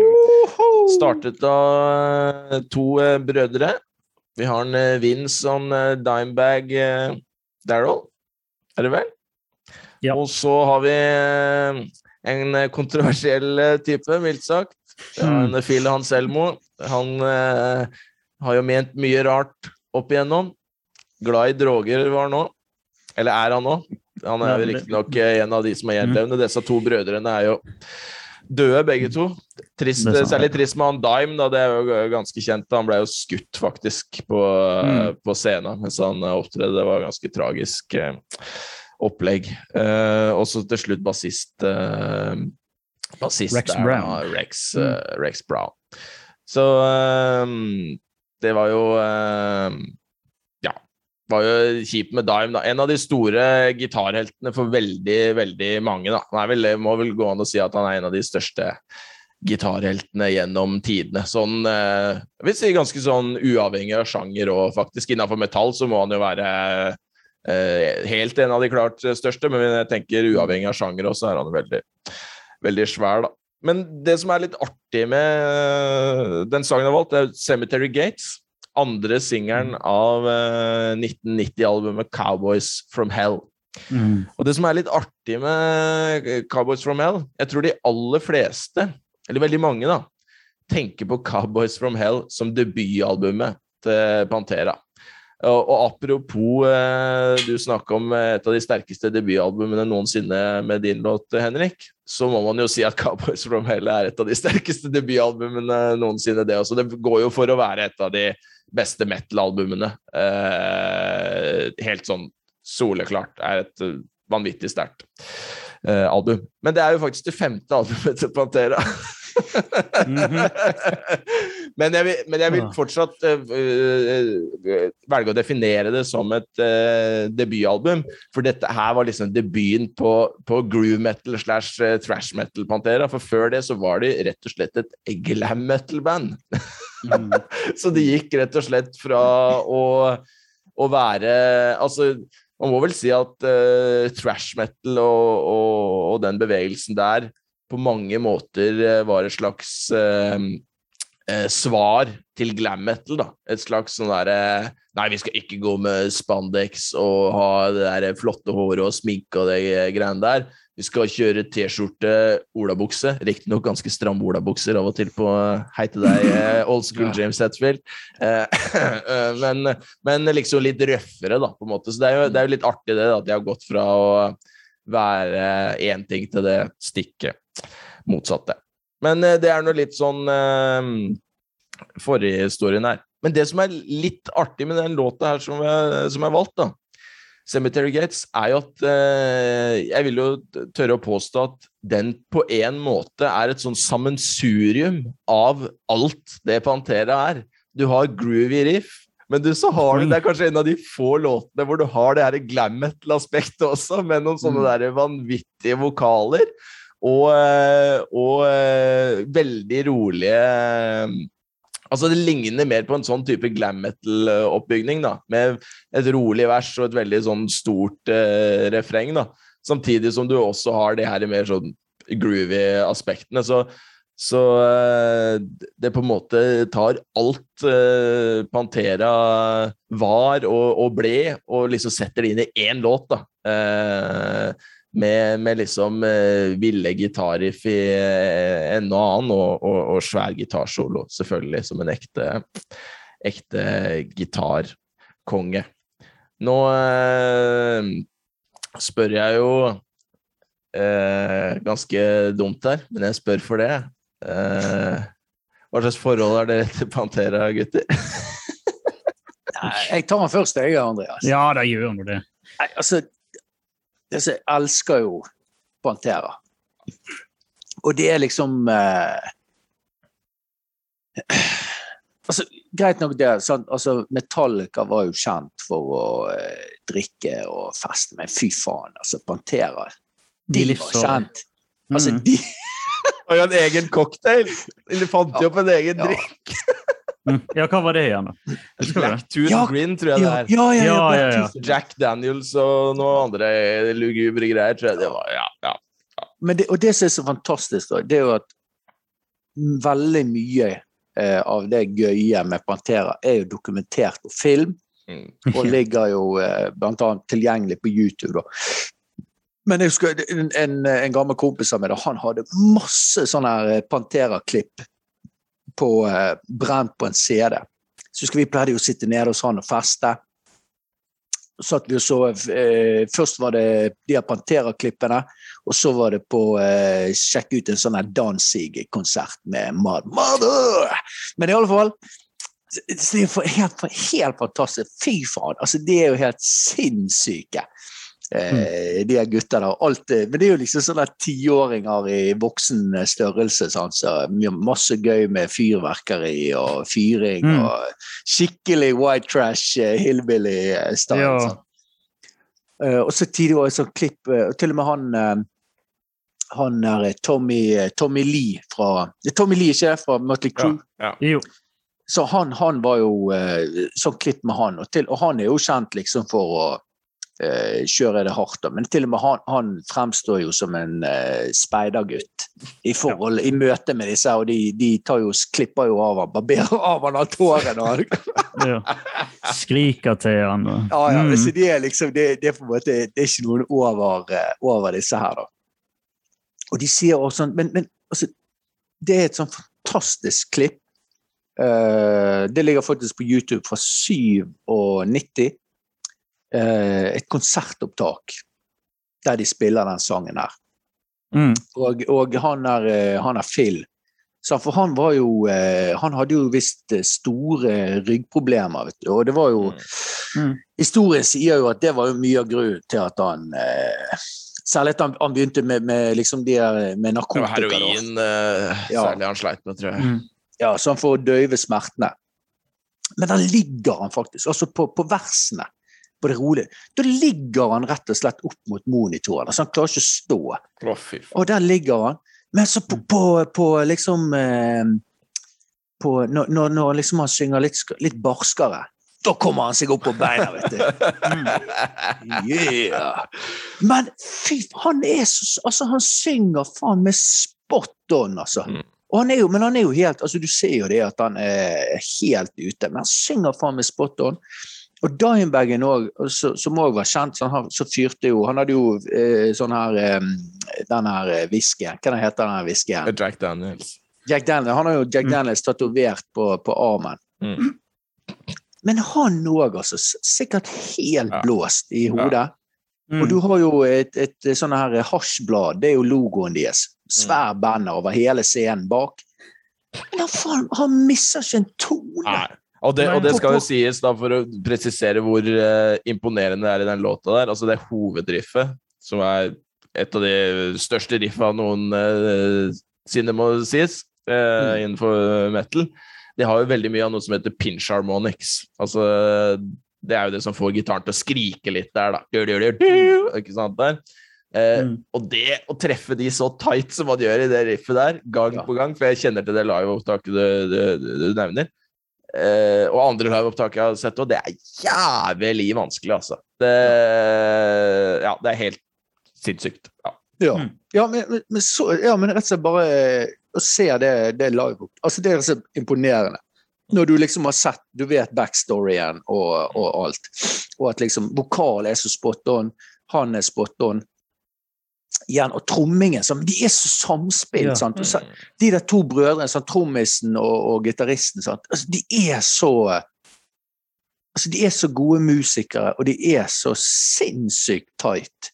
Mm. Det er Mm. rett og slett uh, Ja, det er helt fantastisk. Og det er liksom der, nesten sånn her eh, en svunnen tid, altså, der, der Mm. folk var så tighte eh, musikere, altså. Og selv om de er helt ute, helt blåst Ja, i ja, hodet, ja. og, og har drukket to flasker med whisky og, og eh, heroin og alt, så er de faen meg Rocker de så jævla altså, Selv om man ligger på scenen, så er det jo dritfet konsert like, likevel, da. Ja. Ja, ja, ja. Nei, men så det, det, det er meg, altså. Elsker Pantera. Jeg tar, jeg tar videre, jeg. For forrige episode så snakket jeg om Mayhem, og hvordan jeg ble tiltrukket at de var farlige. Sant? Uh, og de er jo farlige på, på liksom. Sant? Det er jo på en måte karakter, men parterer er jo farlig på ekte. Sant? Ja, de er altså, de, gjør- ja, sånn. Men har du sett De- de her intervjuene med han og Phil? Ja, Han ja, men altså, han ser ja. ut som han skal slå deg, for- slå deg rett Ja. ned. Jeg har jo vi skal, hvor, hvor er vi? Der, ser du? Jeg har den på T-skjorten, jeg. Akkurat nå. Ja, ja, ja. Dere? sant? Eh, han er medlem i et uh, Han eh, spiller nå i death metal-band som heter Scour, som eh, kommer til å dukke opp uh, på denne poden her i nær fremtid, tror jeg. Pointet, de er jo altså det er, altså, som du sier, altså, dok, Pantera er jo så veldokumentert sant? overalt. For, det er jo, for folk dokumenterer jo kriser. sant? Og det er jo band der på en måte alt har på en måte, altså det har jo alt som på en måte kunne gå galt, kan gå galt. Men jeg tror Pantera gir den her at det går virkelig an å få ting til hvis du faktisk bare prøver. Uh, og hvis de på en måte tenkte at nå er glam metal dritkjedelig, nå skal vi finne opp noe nytt, vi skal ta trashen og vi skal gjøre det til litt mer sånn sørstatlig sleip, bom, så har du groove metal. sant? Jeg tør nesten påstå at Pantera er på en måte en slags, eh, altså en sped forløper til sludge metal, sant? som på en måte det der enda litt treigere. sant? Og uh, hele bandet er fascinerende, syns jeg. sant? Så, så jeg har jo alltid hatt et uh, Jeg har alltid hatt et godt øye til bassisten. Sant? Og det er jo han som på en måte kanskje snak, eh, snakket minst om. Men hvordan han på en måte klarer å levere denne stødige rytmen, gode backup-vokaler, og så ser han så forbanna kul ut når han spiller live. Sant? Til og med nå når han er sånn 50-60 pluss og på en måte omfavnet den Og alltid sett jævlig gammel ut, sånn. ja, det er nettopp det han har. Men nå ser han gammel ut på ekte. Altså, nå, eh, nå ser han jo nå, Han ser ut som en han ser ut som en litt sånn 70 år gammel Willie Nelson, altså, for å si det sånn. da. Men um, til og med da på en måte gå med sånn skikkelig sånn Texas cowboyhatte, boots og eh, skjorte nede i buksene, beltespennet, så ser han fortsatt tøff ut. Sant? Og eh, det er jo fordi at du vet uh, hvordan det blir. Um, Bandet de har jo hatt uh, denne dokumentaren jeg uh, linket til nå, eller sant, snakket om forrige uke, eller for to uker siden. Eh, det sier jo på en måte hvordan sta tilstanden og gnisningen i det bandet mellom brødrene og han Phil Anselmo kanskje var. Da. Det er dumt at det endte som det endte. Men fy søren, for det, de ti årene Pantera på en måte var eh, Hva heter det på norsk? Off the leash, eh, på, på godt engelsk. Det var jo de, har gitt, de har gjort så mye for den musikken vi alle hører på, tror jeg. Sant? Og så er det på en måte den det som Vi skal snakke låt snart, da, men det som på en måte tok, eh, tok med, det er jo det at den huleboertrommingen til han uh, Vinnie Paul at det, er så forbanna hardt. Altså, det, er jo? Altså, det er jo en ganske røslig kar som smeller på de trommene med presisjon Uh, som ikke er altså? Altså, og den trommingen syns ikke jeg er imponerende, jeg bare syns det er dritkult. Altså Det er så effortless kult. da. For det er jo ikke noe teknisk uh, dritimponerende med det, men det er på en måte hvordan, kom, altså, hvordan den musikken komplementerer hverandre. Altså, altså Hvordan hvert eneste instrument komplementerer, det hin. Det er så, det er så gjennomført hele, hele bandet, rett og slett. Så, Det er jo akkurat som det du er inne på der, med at, eh, at han, han spiller ikke trommer for å nødvendigvis være så imponerende. Men det det, til å koble det sammen med det Henrik snakker om, at de er så jævla tighte, og at det er tydelig Ja. at disse her er når du, når du ser at de er brødre, da, og på en måte Mm. så opp til eh, Van Halen-brødrene mm. Er det Alex og Eddie? Er det ikke det de heter, tror jeg? Jo, jeg altså tror. Eddie, Eddie i hvert fall, og så Alex, tror jeg. uh, de så jo veldig opp til de, da. Han ble jo gravlagt med en av gitarene, faktisk, til Eddie Van Halen. Han, Ja. uh, han Ja, det ble han. Eh, men altså, eh, han er jo en eh, fantastisk eh, trommis med at han, han spiller jo opp alle de andre.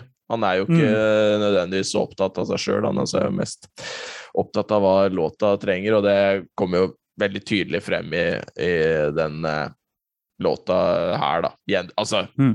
gjennom hele, egentlig. Det, uh, og det var liksom Vi kan gå mer spesifikt inn på Bare ta et siste poeng med, med liksom litt sånn legacy, og hvor store man kan liksom argumentere litt for at de var. da.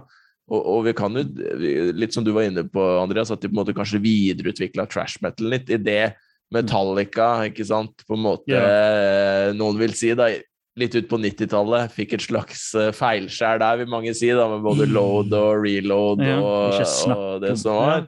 Eh, Ja. eh, og bevegde seg liksom i en helt annen retning, da.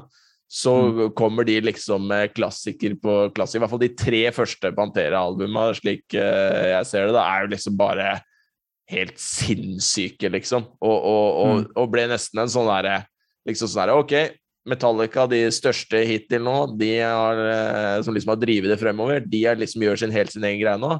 Vi bare fyller det tomrommet så, som her er nå, og tar over fakkelen. Og da er det jo et ikonisk konsertklipp som vi kanskje kommer til å diskutere en annen gang, i podden, er jo dette her fra Russland, eller altså skulle Sovjetunionen. da. Holdt så noen måneder eh, før Sovjet eh, gikk under, og det var lov til å spille litt eh, mer musikk der, så spilte Metallica, ACDC og Pantera, mulig noen andre, men i hvert fall det var de største, spilte jo en sånn legendarisk konsert for en halv million russere, liksom. Og der kan Mm. du bare se Ja, opptak fra den konserten er bare helt sprøtt, da. Det, det, og det kan man jo på en måte argumentere i ettertid. Det nesten er en sånn derre hva skal vi si, passing of the torch-øyeblikk, nesten, da. Mm. Men, men vi kan jo eh, gå litt eh, mer eh, spesifikt inn på låta her. Og eh, jeg som uh, Gitspell-mann eh, mest her i gruppa, da, er jo nødt til å snakke om uh, Gitspell her. Og noe av det jeg beundrer mest med Dime, da, og som, uh, altså Dimebag Daryl, og som gjør han til liksom uh, Som jeg tror at gjør at mange ser på han som en av de største, og han er en av mine favorittgitarister også, er jo det at han er en som både er god til å skrive låter og riff og, og deler, og en jævlig god sologitarist. Hvis du søker opp ja, både generelt beste gitarsoloer noensinne, eller beste gitarriff noensinne, så har han massevis av låter på begge to, og ofte i samme låt. Og det, her Mm. er jo, og det er jo denne låta her et veldig godt eksempel på, tenker jeg. Altså, Soloen i Cemetery Gates, det er en eh, I hvert fall innenfor metal, men også generelt, og det er en av de eh, råeste gitarsoloene noensinne, eh, slik jeg ser det. Jeg må jo da legge inn en eh, litt sånn uh, morsomt poeng her, at det er jo jeg tror det er den eneste gitarsoloen jeg veit om som uh, vår uh, alles kjære Kristin Strand, min uh, kjære samboer Det er nok den eneste gitarsoloen jeg veit om som hun er liksom bare sånn Den er dritkul, liksom. Altså, den, den digger hun, Mm. og hun elsker når den, når den kommer, liksom. Og der og det derre det der samspillet som er igjen med, med de brødrene med trommene i den uh, soloen. Uh, det er altså et eller annet sted der hvor han går opp en note, bender opp til en note, og liksom, da går liksom trommene litt ut, og akkurat når trommene kommer inn igjen, da går liksom, faller, faller uh, noten igjen, da. Og det er liksom bare helt sånn Ja, det samspillet, og, og det passer liksom helt, helt perfekt, da. Men, men så har du også hovedriffet som, som uh, går igjen, så, uh, både aleine og også i refrenget. Bare et av de råeste riffa noensinne. Og jeg også liker veldig godt denne her uh, clean del. Særlig til å begynne med først i sangen. Da er det jo både noe sånn piano som går, som gjør at det blir Det slår deg så jævlig i trynet da, når låta Mm. begynner, på en måte, det derre clean uh, gitarriffet. Liksom alle det, og det her eh, Klart, kanskje det Det er jo ikke kjedelig, men kanskje det, det minst gjenkjennelige riffet er kanskje det som går etter eh, refrenget. Men liksom alle, poenget mitt er da, Mm. alle de delene av, av låta her, alle de her gitardelene Du kan spille av eh, kanskje et sekund av de til de aller fleste som er kjent med denne sjangeren og, og, og noenlunde kjent innenfor metal. da. Og så vil de kjenne igjen at det er den låten her. Og sånn er det med veldig, veldig mange da, av de her eh, låtene som, og soloene som uh, Dime har, eh, har eh, spilt. da. Som, som i mine øyne gjør han liksom til en eh, komplett eh, gitarist. da. Du har eh, mange andre hvor du vi kan jo bare, Som vi har vært inne på, da, med Metallica, det har vi hatt i poden før. Da har du på en måte, ja, Kirk han er kjent for soloene sine. James han uh, kjører rytmen, liksom. Du kan gå til eh, Megadeth, for eksempel, i sin eh, storhetsperiode. Da hadde du Marty Friedman der, som durer på med soloene. Og du har Damon Stane som er riffansvarlig og skriver låtene. Mens her så er det Dime som gjør hele driten, da. Han gjør hele pakken. Noen kommentarer, gutter? Eller andre innspill dere har lyst til å Ja, altså, det er jo det er jo, Ja, for det er jo, altså det er jo Det må jo jeg nevne, da. Og det er jo altså den uh, gitartonen hans, Ja. eller git lyden på gitaren, er jo òg helt fantastisk. Og, og til tider så høres det ut som det er flere gitarer der enn det egentlig er. Altså både på Mm. album og, og live, da. Men utrolig, men, men han har jo, for det er jo litt sånn kult, og selv om den sangen her, for det er jo på en måte litt sånn her i hvert fall for meg da, så er det veldig sånn tydelig at dette her er på en måte Her står de litt med en fot i, i det gamle, sant? glam-rocken og det, og så står de med én fot i det nye, da. Men sånn som gitartonene her er jo veldig sånn denne, er en sånn trash-tone. sant? Og du kjenner gjerne, gjerne sånn, du hører på gammel Metallica og sånn. sant? At det er litt sånn samme tone. Men så, men så likevel sånn, så kommer den der, eh, har de der whammy-divene. Sånn, så Mm. da er du kanskje litt der på glam-rocken. Mm. Eh, sånn, men, sånn han Eddie Van Halen og opplegget og ja, men så gjør han, Mm. men han gjør det likevel en egen vri på det. sant? Mm. Men det er jo det at han er så jævla, han er en så jævla kul gitarist. Mm. Jeg tror det er rett og slett det. Og ikke mer, han ser jo helt fantastisk altså Når du ser han spille. Mm. Han, han er jo på en måte Han er jo en komplett pakke, han er. Mm. Altså, han er liksom, Det Mm. er akkurat sånn, han, akkurat sånn skal en eh, metal-gitarist se ut. Akkurat sånn som han. Ja, I jeg tenker- storhets... eh, Akkurat det Ja. du sier, det, jeg må bare si jeg tenker med en gang på det konsertklippet som jeg nevnte i stad, der de spiller den Domination i Russland. mm. Og så, eh, akkurat som du sier det, med sånn whammy-greier, altså det er en sånn eh, bar på gitaren som gjør at du kan få den til å gå veldig opp eller ned i tone, da. Og du kan gjøre mye sprø greier med den, for de som ikke er så gitarnerder som eh, noen av oss her.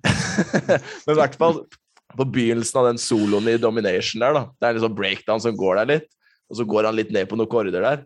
Så står han liksom i baris der, det er jo ikke noe muskuløs eller noe sånt, det er jo sånn der eh, tynnfeit kropp, liksom.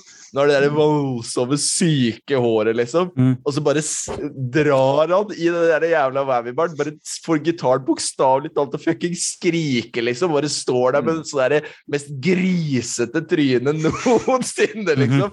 Og så bare, men, men det er liksom altså Det tenker jeg er stilen til Dime, da, litt som du er inne på, Henrik, der. At det bare han, han Altså, det, det er han er en av de, litt som vi snakka om David Gilmore sist. Altså Han er en der hvor du kan eh, Du hører enten på rytme eller på solo.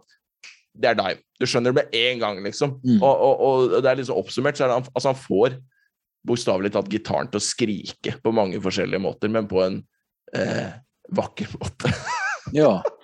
ja, men også, også er også liksom sånn der Og hvert fall sånn, liksom sammenligne han med f.eks. James Hetfield. Sånn. Så han er mye mer sånn at det, det virker som det er mye mer sånn effortless. eh, effortless sant? Så James Hetfield han virker mye mer sånn litt sånn streng, og eh, Mm. ting er litt mer sånn eh, planlagt. sånn, Han som ledertype. Sånn. Mens Dimebag han, han virker mer sånn der bare Ja, ja. Han er så kul, han bare. Sånn. ja, liksom jeg har noe, lagd noen riff her, og ja, ja, dritfett å spille, spille show og feste Mm. og Men nei, nei, men, men så er jeg helt enig. Det er jo helt også, Og det jeg tenker òg Jeg tror nok eh, altså det er, nok, det er nok flere altså band fra den perioden og trash og sånn som har på en måte selvfølgelig påvirket det som er på en måte hard rock i dag, metal i dag. Men, men eh, det er nok altså det, det er ikke tvil om at altså du hører veldig mye av Pantera i mye av den uh, musikken, altså den metal som er nå, er det liksom Det er utrolig mange sånne elementer som, uh, som er fra, eh, fra nettopp uh, Pantera. Altså. Det, er, ikke- det er ikke tvil om at de har, har påvirket, påvirket Stor påvirkningskraft. ikke særlig da på det der å, å, å kanskje gå litt vekk fra det der nesten eh, Som nesten hadde blitt et fengsel av sånn der power chord-riffing. Mm, Liksom. Mm. At det ene og alene var basert på det. Og det er kanskje ikke Cemetery Gates er aller beste eksempelet på det, men mer generelt, hvis man ser på mange Mm. av riffa til Dime, eh, så er det mye mer leiking med enkelttoner. Ja, Hovedriffet i Cemetery Gates er jo noe mer sånn enkelttonebasert. Og, og, og Mm. det tror jeg, litt som det du er inne på, Henrik, er nok noe av det jeg vil si er liksom uh, Ja, som har vært veldig innflytelsesrikt. da, Den der at det var en overgang der. uh, I det aspektet der. Mm. Men det er liksom, men det er kvalitet i den sangen her. Altså det er på en måte, Jeg syns jo alle deler bare det oser av kvalitet, liksom. Mm. Altså det er på en Mm. måte, all, Alle deler er, er dritfett. Sant? Og det er jo flere på en måte, det er jo flere versjoner av denne låten sant? i forhold til hvor han begynner. Sant? Og Du har jo den ene som begynner rett på det der eh, hardriffet. sant? Eh, så sikkert er det da radioversjon eller MTV-versjon. sant? Og så har du den, vers- den versjonen som vi på en måte tar for oss nå, er jo fullversjonen. sant? Ja, Der han syv begynner, minutter. på, ja, begynner med, med, med rolig. Og jeg merker litt sånn, for liksom nå når vi skulle ha den poden, så liksom var jeg litt sånn ja, er det, hva er det sånn at jeg liker jeg egentlig best den der eh, liksom kortversjonen? Men så merker jeg det at eh, det spiller egentlig ingen rolle. Nei. eh, for meg hvor denne sangen begynner. Altså Han kan godt begynne på det rolige, som langversjonen gjør. Han kan begynne i den kortversjonen. Det er på en måte det, det, er liksom fortsatt den samme sangen, liksom. Mm. Det spiller ingen rolle Nei. for meg, Ja, for, altså, den, selv om den var i syv minutter i originalversjonen, altså jeg synes det Vi har snakka om det her med å kjenne på lengde eh, tidligere. Mm. Den kjennes ikke ut som den var i syv minutter. Altså, den ja. bare flyr unna, liksom. Det Ja. Det tenker jeg. Og vokal òg. Jeg synes jo det, Ja. altså Han har jo eh, Jeg setter jo veldig pris på det at han her eh, viser litt sånn eh, stemmeprakt, da. Og jeg synes jo altså det er jo eh, og vet sånn glamrock Det er jo nesten som en new metal. sant?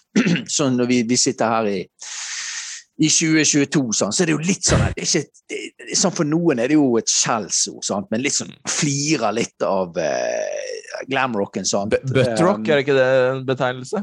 jo, buttrock. Men likevel, altså, så merker jeg at altså, når han tar de der liksom eh, Denne litt høye vibratoen, altså. Så kjenner jeg faen, det er jo faen, jeg setter pris på det, altså. Det er faen meg rått, altså. Og, det hvis Mm. du, eh, og, og hvis du kan liksom eh, clenche fisten der og, og synge litt med, det er faen en god følelse, altså.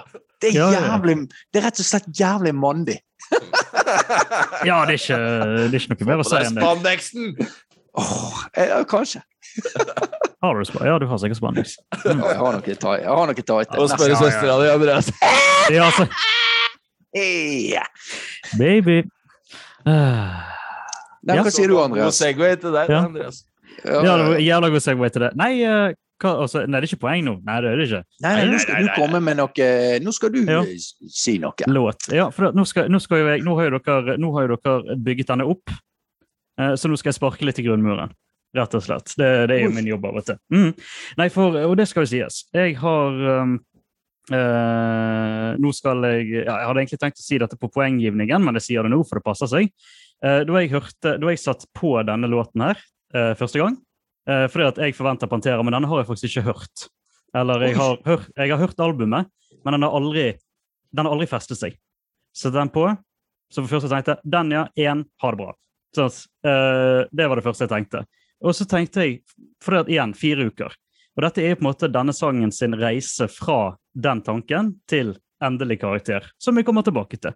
Som ikke er én, for øvrig, eh, kan jeg si med en gang. Men så tenkte jeg på det. Hvorfor det? Eh, for Pantera har jo alltid vært hardtslående tungmetall for meg. sant? Og denne her sangen her er jo en av de beste heavy metal-balladene i verden. Ferdig snakket. Altså det, det kan ikke man nekte på. Og jeg tenkte på det. Det er ballade jeg eh, sliter litt med. Uh, og dette igjen, dette er ikke, dette er ikke dette er min personlige smak. Jeg sier ikke at det er sånn. for å si det sånn. Jeg, eh, nå er jeg på det subjektive. Og så, så tenkte jeg, hva er det som skjer nå?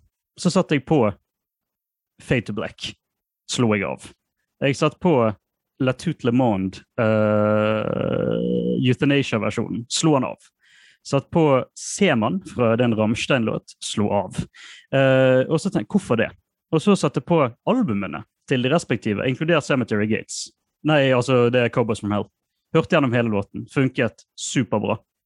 Eh, og så for meg, de låtene der fungerer så fantastisk som et avbrekk eh, i, eh, eh, i de altså rævasparkende albumene som uh, håper å si representeres. At det er verdens beste lille Ikke pause, men uh, det er så digg at det blir nedtonet. Da.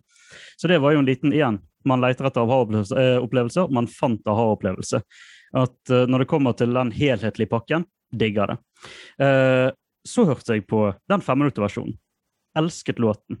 Så, så det er jo det, Vi har jo snakket tidligere om at uh, når det kommer til den blandingen av eh, ting Jeg liker at ting skal være forutsigbart. Det er ikke denne låten. Når det kommer til det objektive, er de gode til å spille? Ja. Eh, er det kult når han eh, raver på med vokalen sin, eh, godeste Finn Anselmo, og når den berømte høye C på Gates? For jeg skal ikke i det hele tatt være i nærheten av å prøve å si Gates! Det skal ikke jeg prøve på. Ja, du traff jo det. Ja, bitte litt i alle fall. Men jeg er, ikke, jeg er ikke god på det. For blir jeg, som min venn Christian sier, blir jeg da halvkram?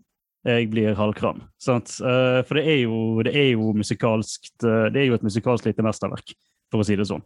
Uh, Fun fact om min kompis Christian. Jeg vet at han kommer til å høre på denne podkasten her. Christian han, um, han er begravelsesbyråagent. Og når han kjører likbil, så, kjører, så setter han alltid på Cemetery Gates og koser seg med den. Tenkte ikke over Ja. at uh, tittel og arbeids, altså yrke var samme sak, men uh, han syntes nå det, var- han syntes nå det var kjekt. Hører Og- han på uh, King Diamond òg, eller?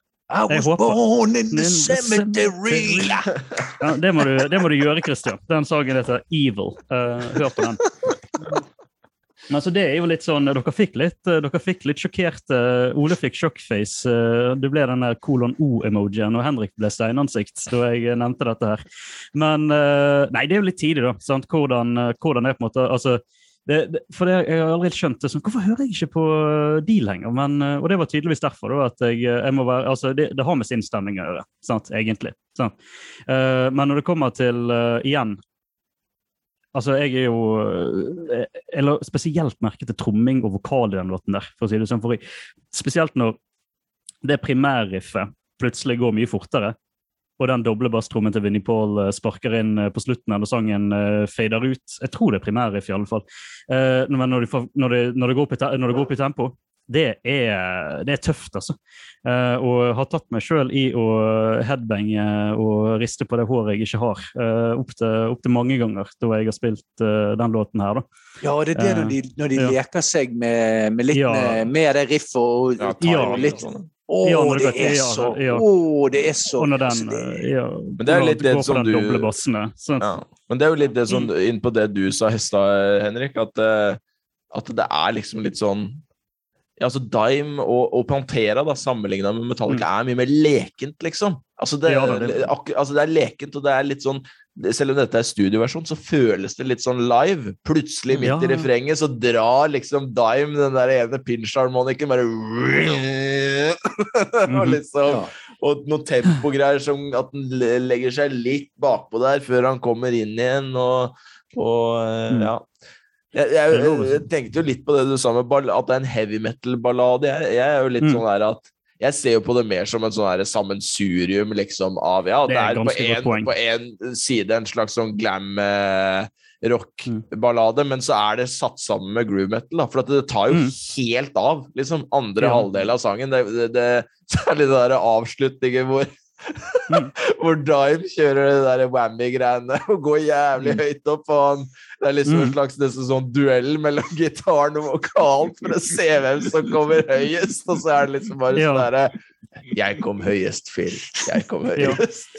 Og så er det jeg må bare nevne, og så er det de der smådetaljene sånn som jeg har, jeg har begynt å bli glad i. Og igjen, altså, sant, det er jo, igjen, har du hørt Hvis jeg hadde hatt den innstillingen, altså karakter 1, så hadde jeg aldri kunnet snakke om dette. At, Mm. eh, altså, men det er utrolig hva som skjer når du tvinger deg sjøl til å høre på låt. Det er rart hva du legger merke til. Men det jeg er veldig glad i, det er når sanger overrasker, eller altså sånn for, eh, for, vi, har, vi har jo snakket Metallica i hel, men Short Short Straw sant? Uh, som, Det er vel en liten deep cut på Metallica, da. Men eh, det er tre ganger i den, eh, fem nei, i den eh, syv minutter lange låten der Lars Ulrich slår tre ganger på Skarp og Tom.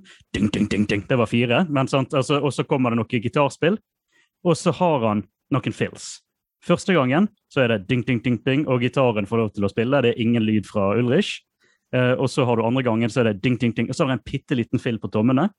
Og så tredje gangen så er det ding, ding, ding, ding, og så er det en sånn skikkelig åndssvak filler på, på en måte hele trommesettet. Sant? Eh, Som skjer på Det skjer sånn, men eh, det skjer. Og det, det, de der smådetaljene. Og der lå jeg merke til med Phil Anselmo da han på en måte når den høye gates. sant? Og så når det går over i den gitarsoloen, så tenker jeg ok, hva skal han gjøre nå? Så gjør han bare sånn Gates! Og det er sånn Mm. ja, altså, Jeg elsker det. Det er så tøft. Altså, men det er sånn detaljer. Altså, sant? The devil Men det er jo det, og jeg tenker for- det for- for- For meg, og så, så er det i hvert fall det er, Og det er jo mye av gleden med metal-musikk, er jo nettopp det. Det er liksom de her detaljene som bare, som bare stemmer det liksom oppi hodet. Mm. Ja. At det er liksom Å, fy faen! Altså, det er liksom Det er på vei, og så, og så kommer det noen sånne små detaljer som bare gjør det liksom enda bedre. Mm. Så, Mm. og, det, og det tenker jeg, og det, det føler jo jeg at sant, Særlig han Nå snakker vi mye om han er Dimebag, da. Men ja, da, men. som jeg syns Pantera da, er, er, er gode på. Og særlig denne låten her, altså. Mm. Jeg tenkte Et siste poeng for uh, gitarnerden uh, sjøl her. Vi får se om det blir noe langstrakt eller ikke. Men det som var uh, så, Jeg er jo jeg kan kalle det nesten en guilty pleasure, men jeg ser av og til på sånne der um, var inne på det i stad, reaction-videoer på YouTube. Men da eh, Mm. liker best de der hvor det er folk som har litt peiling på et eller annet, da, som, som eh, reagerer, liksom. Så da var det ei som uh, var drevet på å synge, da. Så hun skulle se på den låta her. Eh, eh, var det et år tilbake eller noe sånt, jeg så at hun hørte på den der. Og hun liksom hørte på en eh, Anselmo der, drev og gaula og skreik.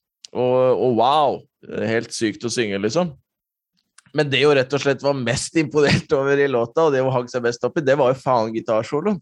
Eh, så, så, så fra en eh, som eh, ikke spiller et instrument sitt perspektiv her, da, Andreas, hva, hva tenker du om eh, gitarsoloen her? Ja, nei, Dimebag han er jo en klasse for seg sjøl. Man kan ikke nekte på det. Og igjen eh, hva kan vi si, altså Både stil og nå tenker vi på sånn utseende osv. Så det er alt jeg misliker med USA i én mann. altså sant, når Det kommer, det er sørstatsflagg, det er kvapsete, det er ølmage. sant, altså det, det er alle sånne ting som er sånn «Bleh». men, det, men han kan spille, og så er det alkoholisme, selvfølgelig, men han kan spille. altså, Og det er jo, altså, det er jo helt altså, Det er gøy hvordan en mann kan få så mye lidenskap og følelser inn i, uh, i seks strenger. Ja. Altså, det, er, det er fascinerende opplegg. Og uh, Nei, altså, han, uh, han har alltid fascinert meg, han Dimebag, uh, når det kommer til for, altså for, det ble jo sagt i den, igjen i den dokumentaren som jeg uh, linket til. Sant? Så hvis dere ikke har tatt hint til noe lyttere, se den forbanna dokumentaren. Det er 40 minutter av livet deres, det får dere til. Så dere har klart å høre to timer av dette, her, så klarer dere 40 minutter med dokumentar. Men uh, da sier uh, Da blir jo han begravet, for han ble jo skutt 8.12.2004, konsert med Damage Plan. Uh, og da sa jeg tror det var Vinnie Paul som sa det, at han ble jo begravet med gitaren til um, Eddie Van Halen. Og da sa han at uh, hvis vi hadde sagt det til Dimebag uh, da han hadde vært i live, så hadde Dimebag sagt 'skyt meg nå'. Sånn at, og jeg tror at det på en måte sier litt hvordan han var. Han var jo bare, han var jo bare en nerd, altså, sånn, for å si det sånn, på, på gitar. Han var en gitarnerd. og det blir det blir musikk og sånt, for å si det sånn. Det blir folk og sånt. og det er altså sånn hele, hele bandet Pantera det er, det har, de har jo aldri fått seg en pause. Sant? Men når det kommer til måte, menneskene bak Pantera, så har det alltid fascinert meg ganske dypt. Og det er fordi at hele altså, de er så, altså, det, er synd på, det er synd på han ene, altså vokalisten, og så er Dianberg han er jo beint fram sjarmerende, rett og slett. Og inspirerende sikkert for de som spiller mye gitar. da. Men jeg syns han bare jeg synes han er sjarmerende når det kommer til hvor mye man kan fanboye på uh, ting, da, så er jo han uh, spilte Når var det han begynte å spille i Kiss-coverband? Jeg tror han var sånn 10-12 år gammel. Og så, og så visste han jeg skal bli rockestjerne, og så spilte han liksom i Kiss-coverband da han var 12. Så. Jeg kjenner jo her sjøl at vi kunne jo sikkert sitte og nøla videre om Pantera i en time til, men det kommer sikkert låter av de seinere en gang også. Jeg vil bare nevne et siste klipp apropos det dere snakker om, at det er veldokumentert. Og det handler jo nettopp om Dime, og det er jo at han er Han er inne og tester Jeg tror det er noe sånn derre crank amps eller noe sånt. Hvis man søker crank amps og så Dimebag Darrell, så er han Det er veldig et sånt forsterkerselskap som heter Crank Amps, da, som han liksom skal Mm. bli sponsa etter hvert. Og så skal han inn og ta- teste noe utstyr. Og så er det liksom filma at noen går mot en dør, og inne der så bare hører du at det er et leven ut av en annen verden, og det er den derre whammy-baren får kjørt seg så inn i helvete. Og du kommer inn der og liksom «Åh, oh, er jævlig gira, ikke sant? Oh, We're here testing some Apple amplifiers here Crack Amps Facility, og det er liksom den, den Texas-swangen der. Og du liksom bare hører på det opptaket at det er altså så ubeskrivelig høyt. At du, du får liksom Du får du får nærmest vondt i øra bare av å tenke på Mm. hvor høyt det har vært å sitte i det rommet.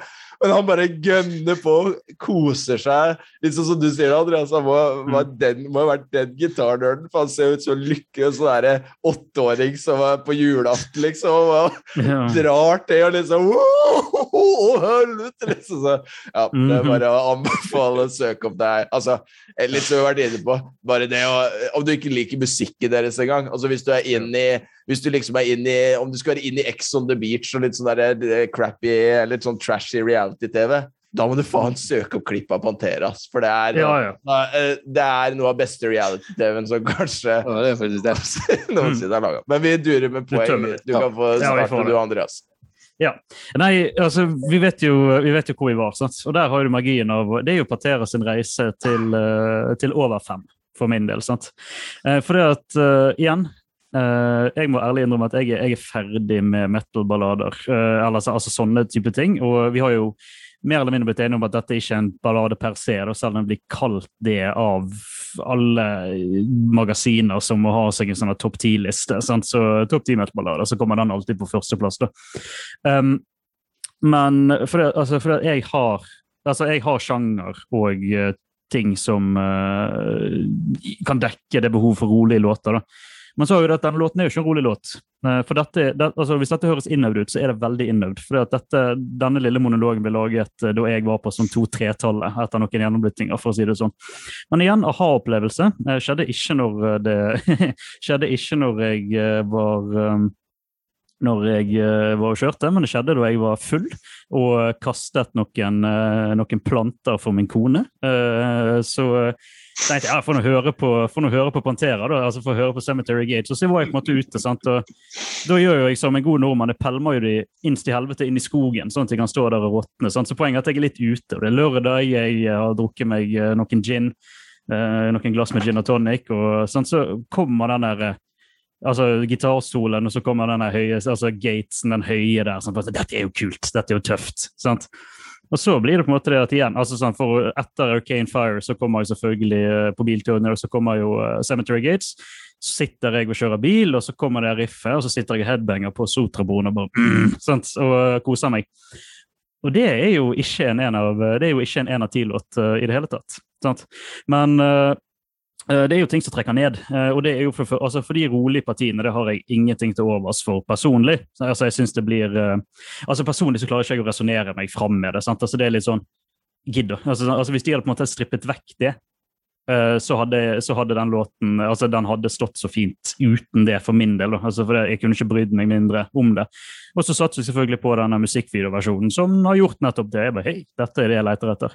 Men Det var jo også derfor jeg spurte uh, om vi skulle an anmelde den korte eller den lange, i håp om at dere skulle selvfølgelig den korte, men så ble den lange, da. Uh, og på, på grunn av det uh, så er vi på Ja, altså, vi er på en reise fra én til syv og et halvt, faktisk. Det syns jeg er ganske, ganske ok. Så det, En reise si. eh, frem og tilbake over Sotrabroen. Oh yes! Så Det er mange hundre prosent avkastning, det, Andreas, i min verden. Så, Det, ja, men det er jo Og så og så må jeg bare få si, altså de heter ikke Arcane Fire, de heter altså Arcade, som en arkade. Spiller han. Ja, jeg Fire. trodde jeg sa, jeg, jeg trodde jeg sa Arcade, men ok, men da sa jeg ikke det. Nei, men Som det da er en eh, type en, en brann i en spillerhall, eller Ja, ja, sant. i alle fall. Det er bra du sier. For meg Altså, om det er en ballade altså, jeg drit, altså Det spiller ingen rolle hva, hva det står i, eh, Rock and Roll Magazine. Det her det er en drita fet uh, låt, som jeg sa. altså For meg spiller det ingen rolle om det er den der uh, korte eller eh, lange versjonen. Altså, det er liksom, altså det er Pantera. Det er sinnssyk riffing, det er sinnssykt fet lyd. Det er et sinnssykt samspill. Han synger som en gud på denne her eh, låten her. Til og med live, helt neddopet. Helt ute å kjøre. Eh, for meg, det, er det er Dette her er liksom det er met, Dette er virkelig metal-historie, altså. Det, Det er veldig er- sant.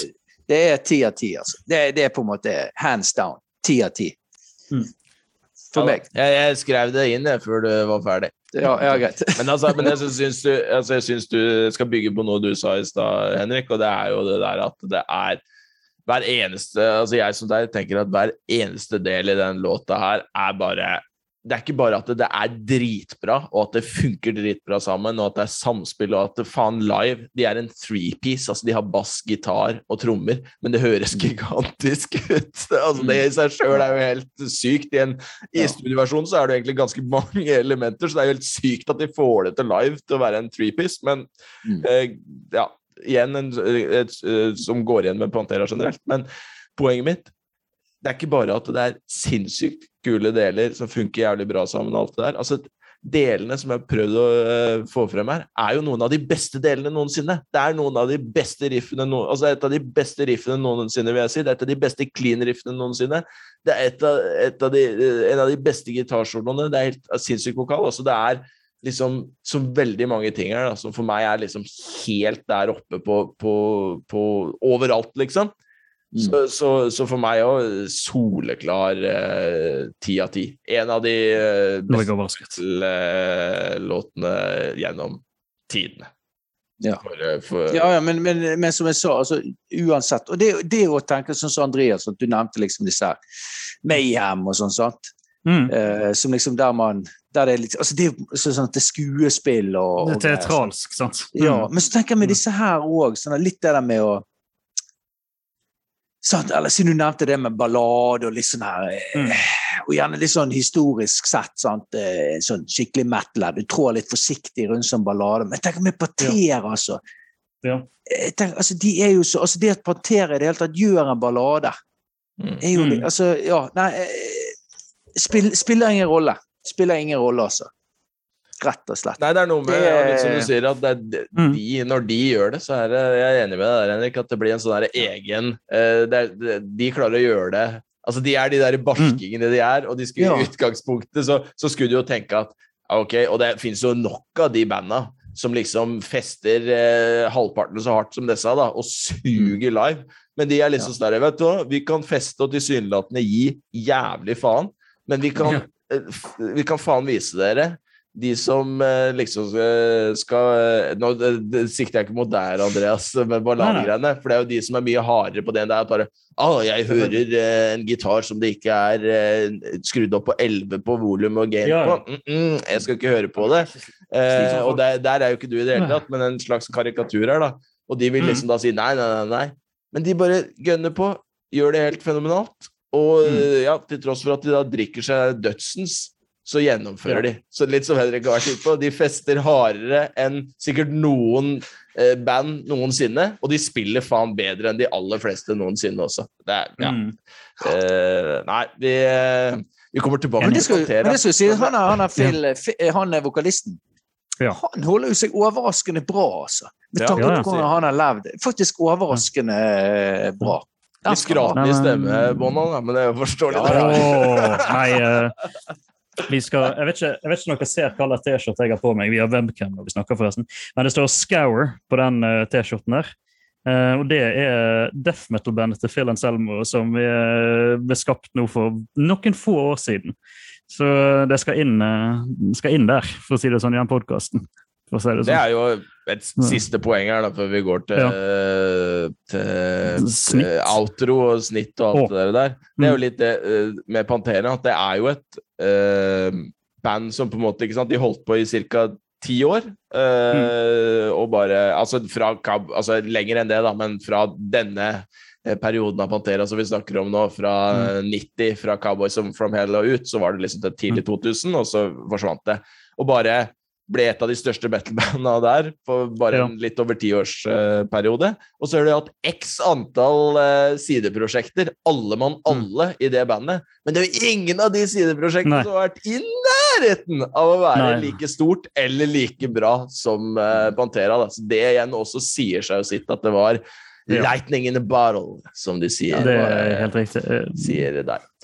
Snittet i hvert fall er på eh, 9,17, altså. Oi. Bedre enn Bee Gees. Ja, Ja, ja. Mm. Ja, der kom den, ja. Nei Neida. Nei, men det er vel uh, bare å kjøre shoutouts, holdt på å si, som vanlig. Uh, kjør uh, mail, da vel. Hvis, Ja. uh, der kan man sende inn uh, hva som helst. Kanskje ikke dickpics, uh, men Da tar vi eventuelt og videresender til Nei da. Nei. Tits! Ja. Mhm. Fy da. Fy da. Grisefanten. Nei, nå ble det Nei, nå er det seint på kvelden her. Herregud. Ja, ja, ja, I hvert fall, mailen der kan man sende det meste av ris og ros og tilbakemeldinger og låtforslag, artistforslag, eh, hva det nå måtte være. Det setter vi god pris på. Eh, hvis man har lyst til å se rangering av låter, kan man gå inn på eh, regnearket. Der har vi rangering eh, både på eh, totalt gjennomsnitt og på eh, hver av oss, hva slags karakterer vi har gjort. Nå har jeg Mm. tatt oss gjort det sånn i regnearket, da, siden vi er i et nytt år. Jeg husker ikke om jeg har sagt det, her, Mm. men bare, det er det verdt å gjenta. Siden vi er i nytt år, så har jeg tatt Jeg har én rangering for 2021, da. Og så har jeg satt en egen en for 2022. Mm. Sånn at vi tar litt sånn år for år, da. Og så får vi eventuelt, eh, hvis det ja, blir uoversiktlig etter hvert, så kan vi nå ta en sånn et eget uh, del i regnearket, eller en egen del i regnearket hvor vi tar totalen, da. Men sånn blir det nå i hvert fall i overskuelig fremtid. Uh, spillelister finnes det i beskrivelsen sammen med dette regnearket, både Apple Music og Spotify. Der legger vi ut låtene vi skal diskutere en uh, uke før episoden kommer.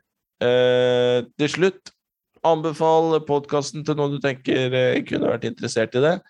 Eh, følg oss på Spotify og iTunes, og rate oss på Spotify og iTunes. Nå går det an å rate på Spotify, faktisk. Eh, Det er en ny funksjon, så nå må det rates som bare det. Vi gir deg et virtuelt smask for det. Eh, var det noe jeg glemte da? Nei, tror du ikke det? Nei, nei, nei. Kan vi snakke en time til om Pantera, vær så snill? Ja, ja, ja. ja. Mhm. Det her var jo bare én låt, vet du. Det var bare én låt. Det var én låt. Nei da. Men uh, ha det godt, da. Ha det. Ha det.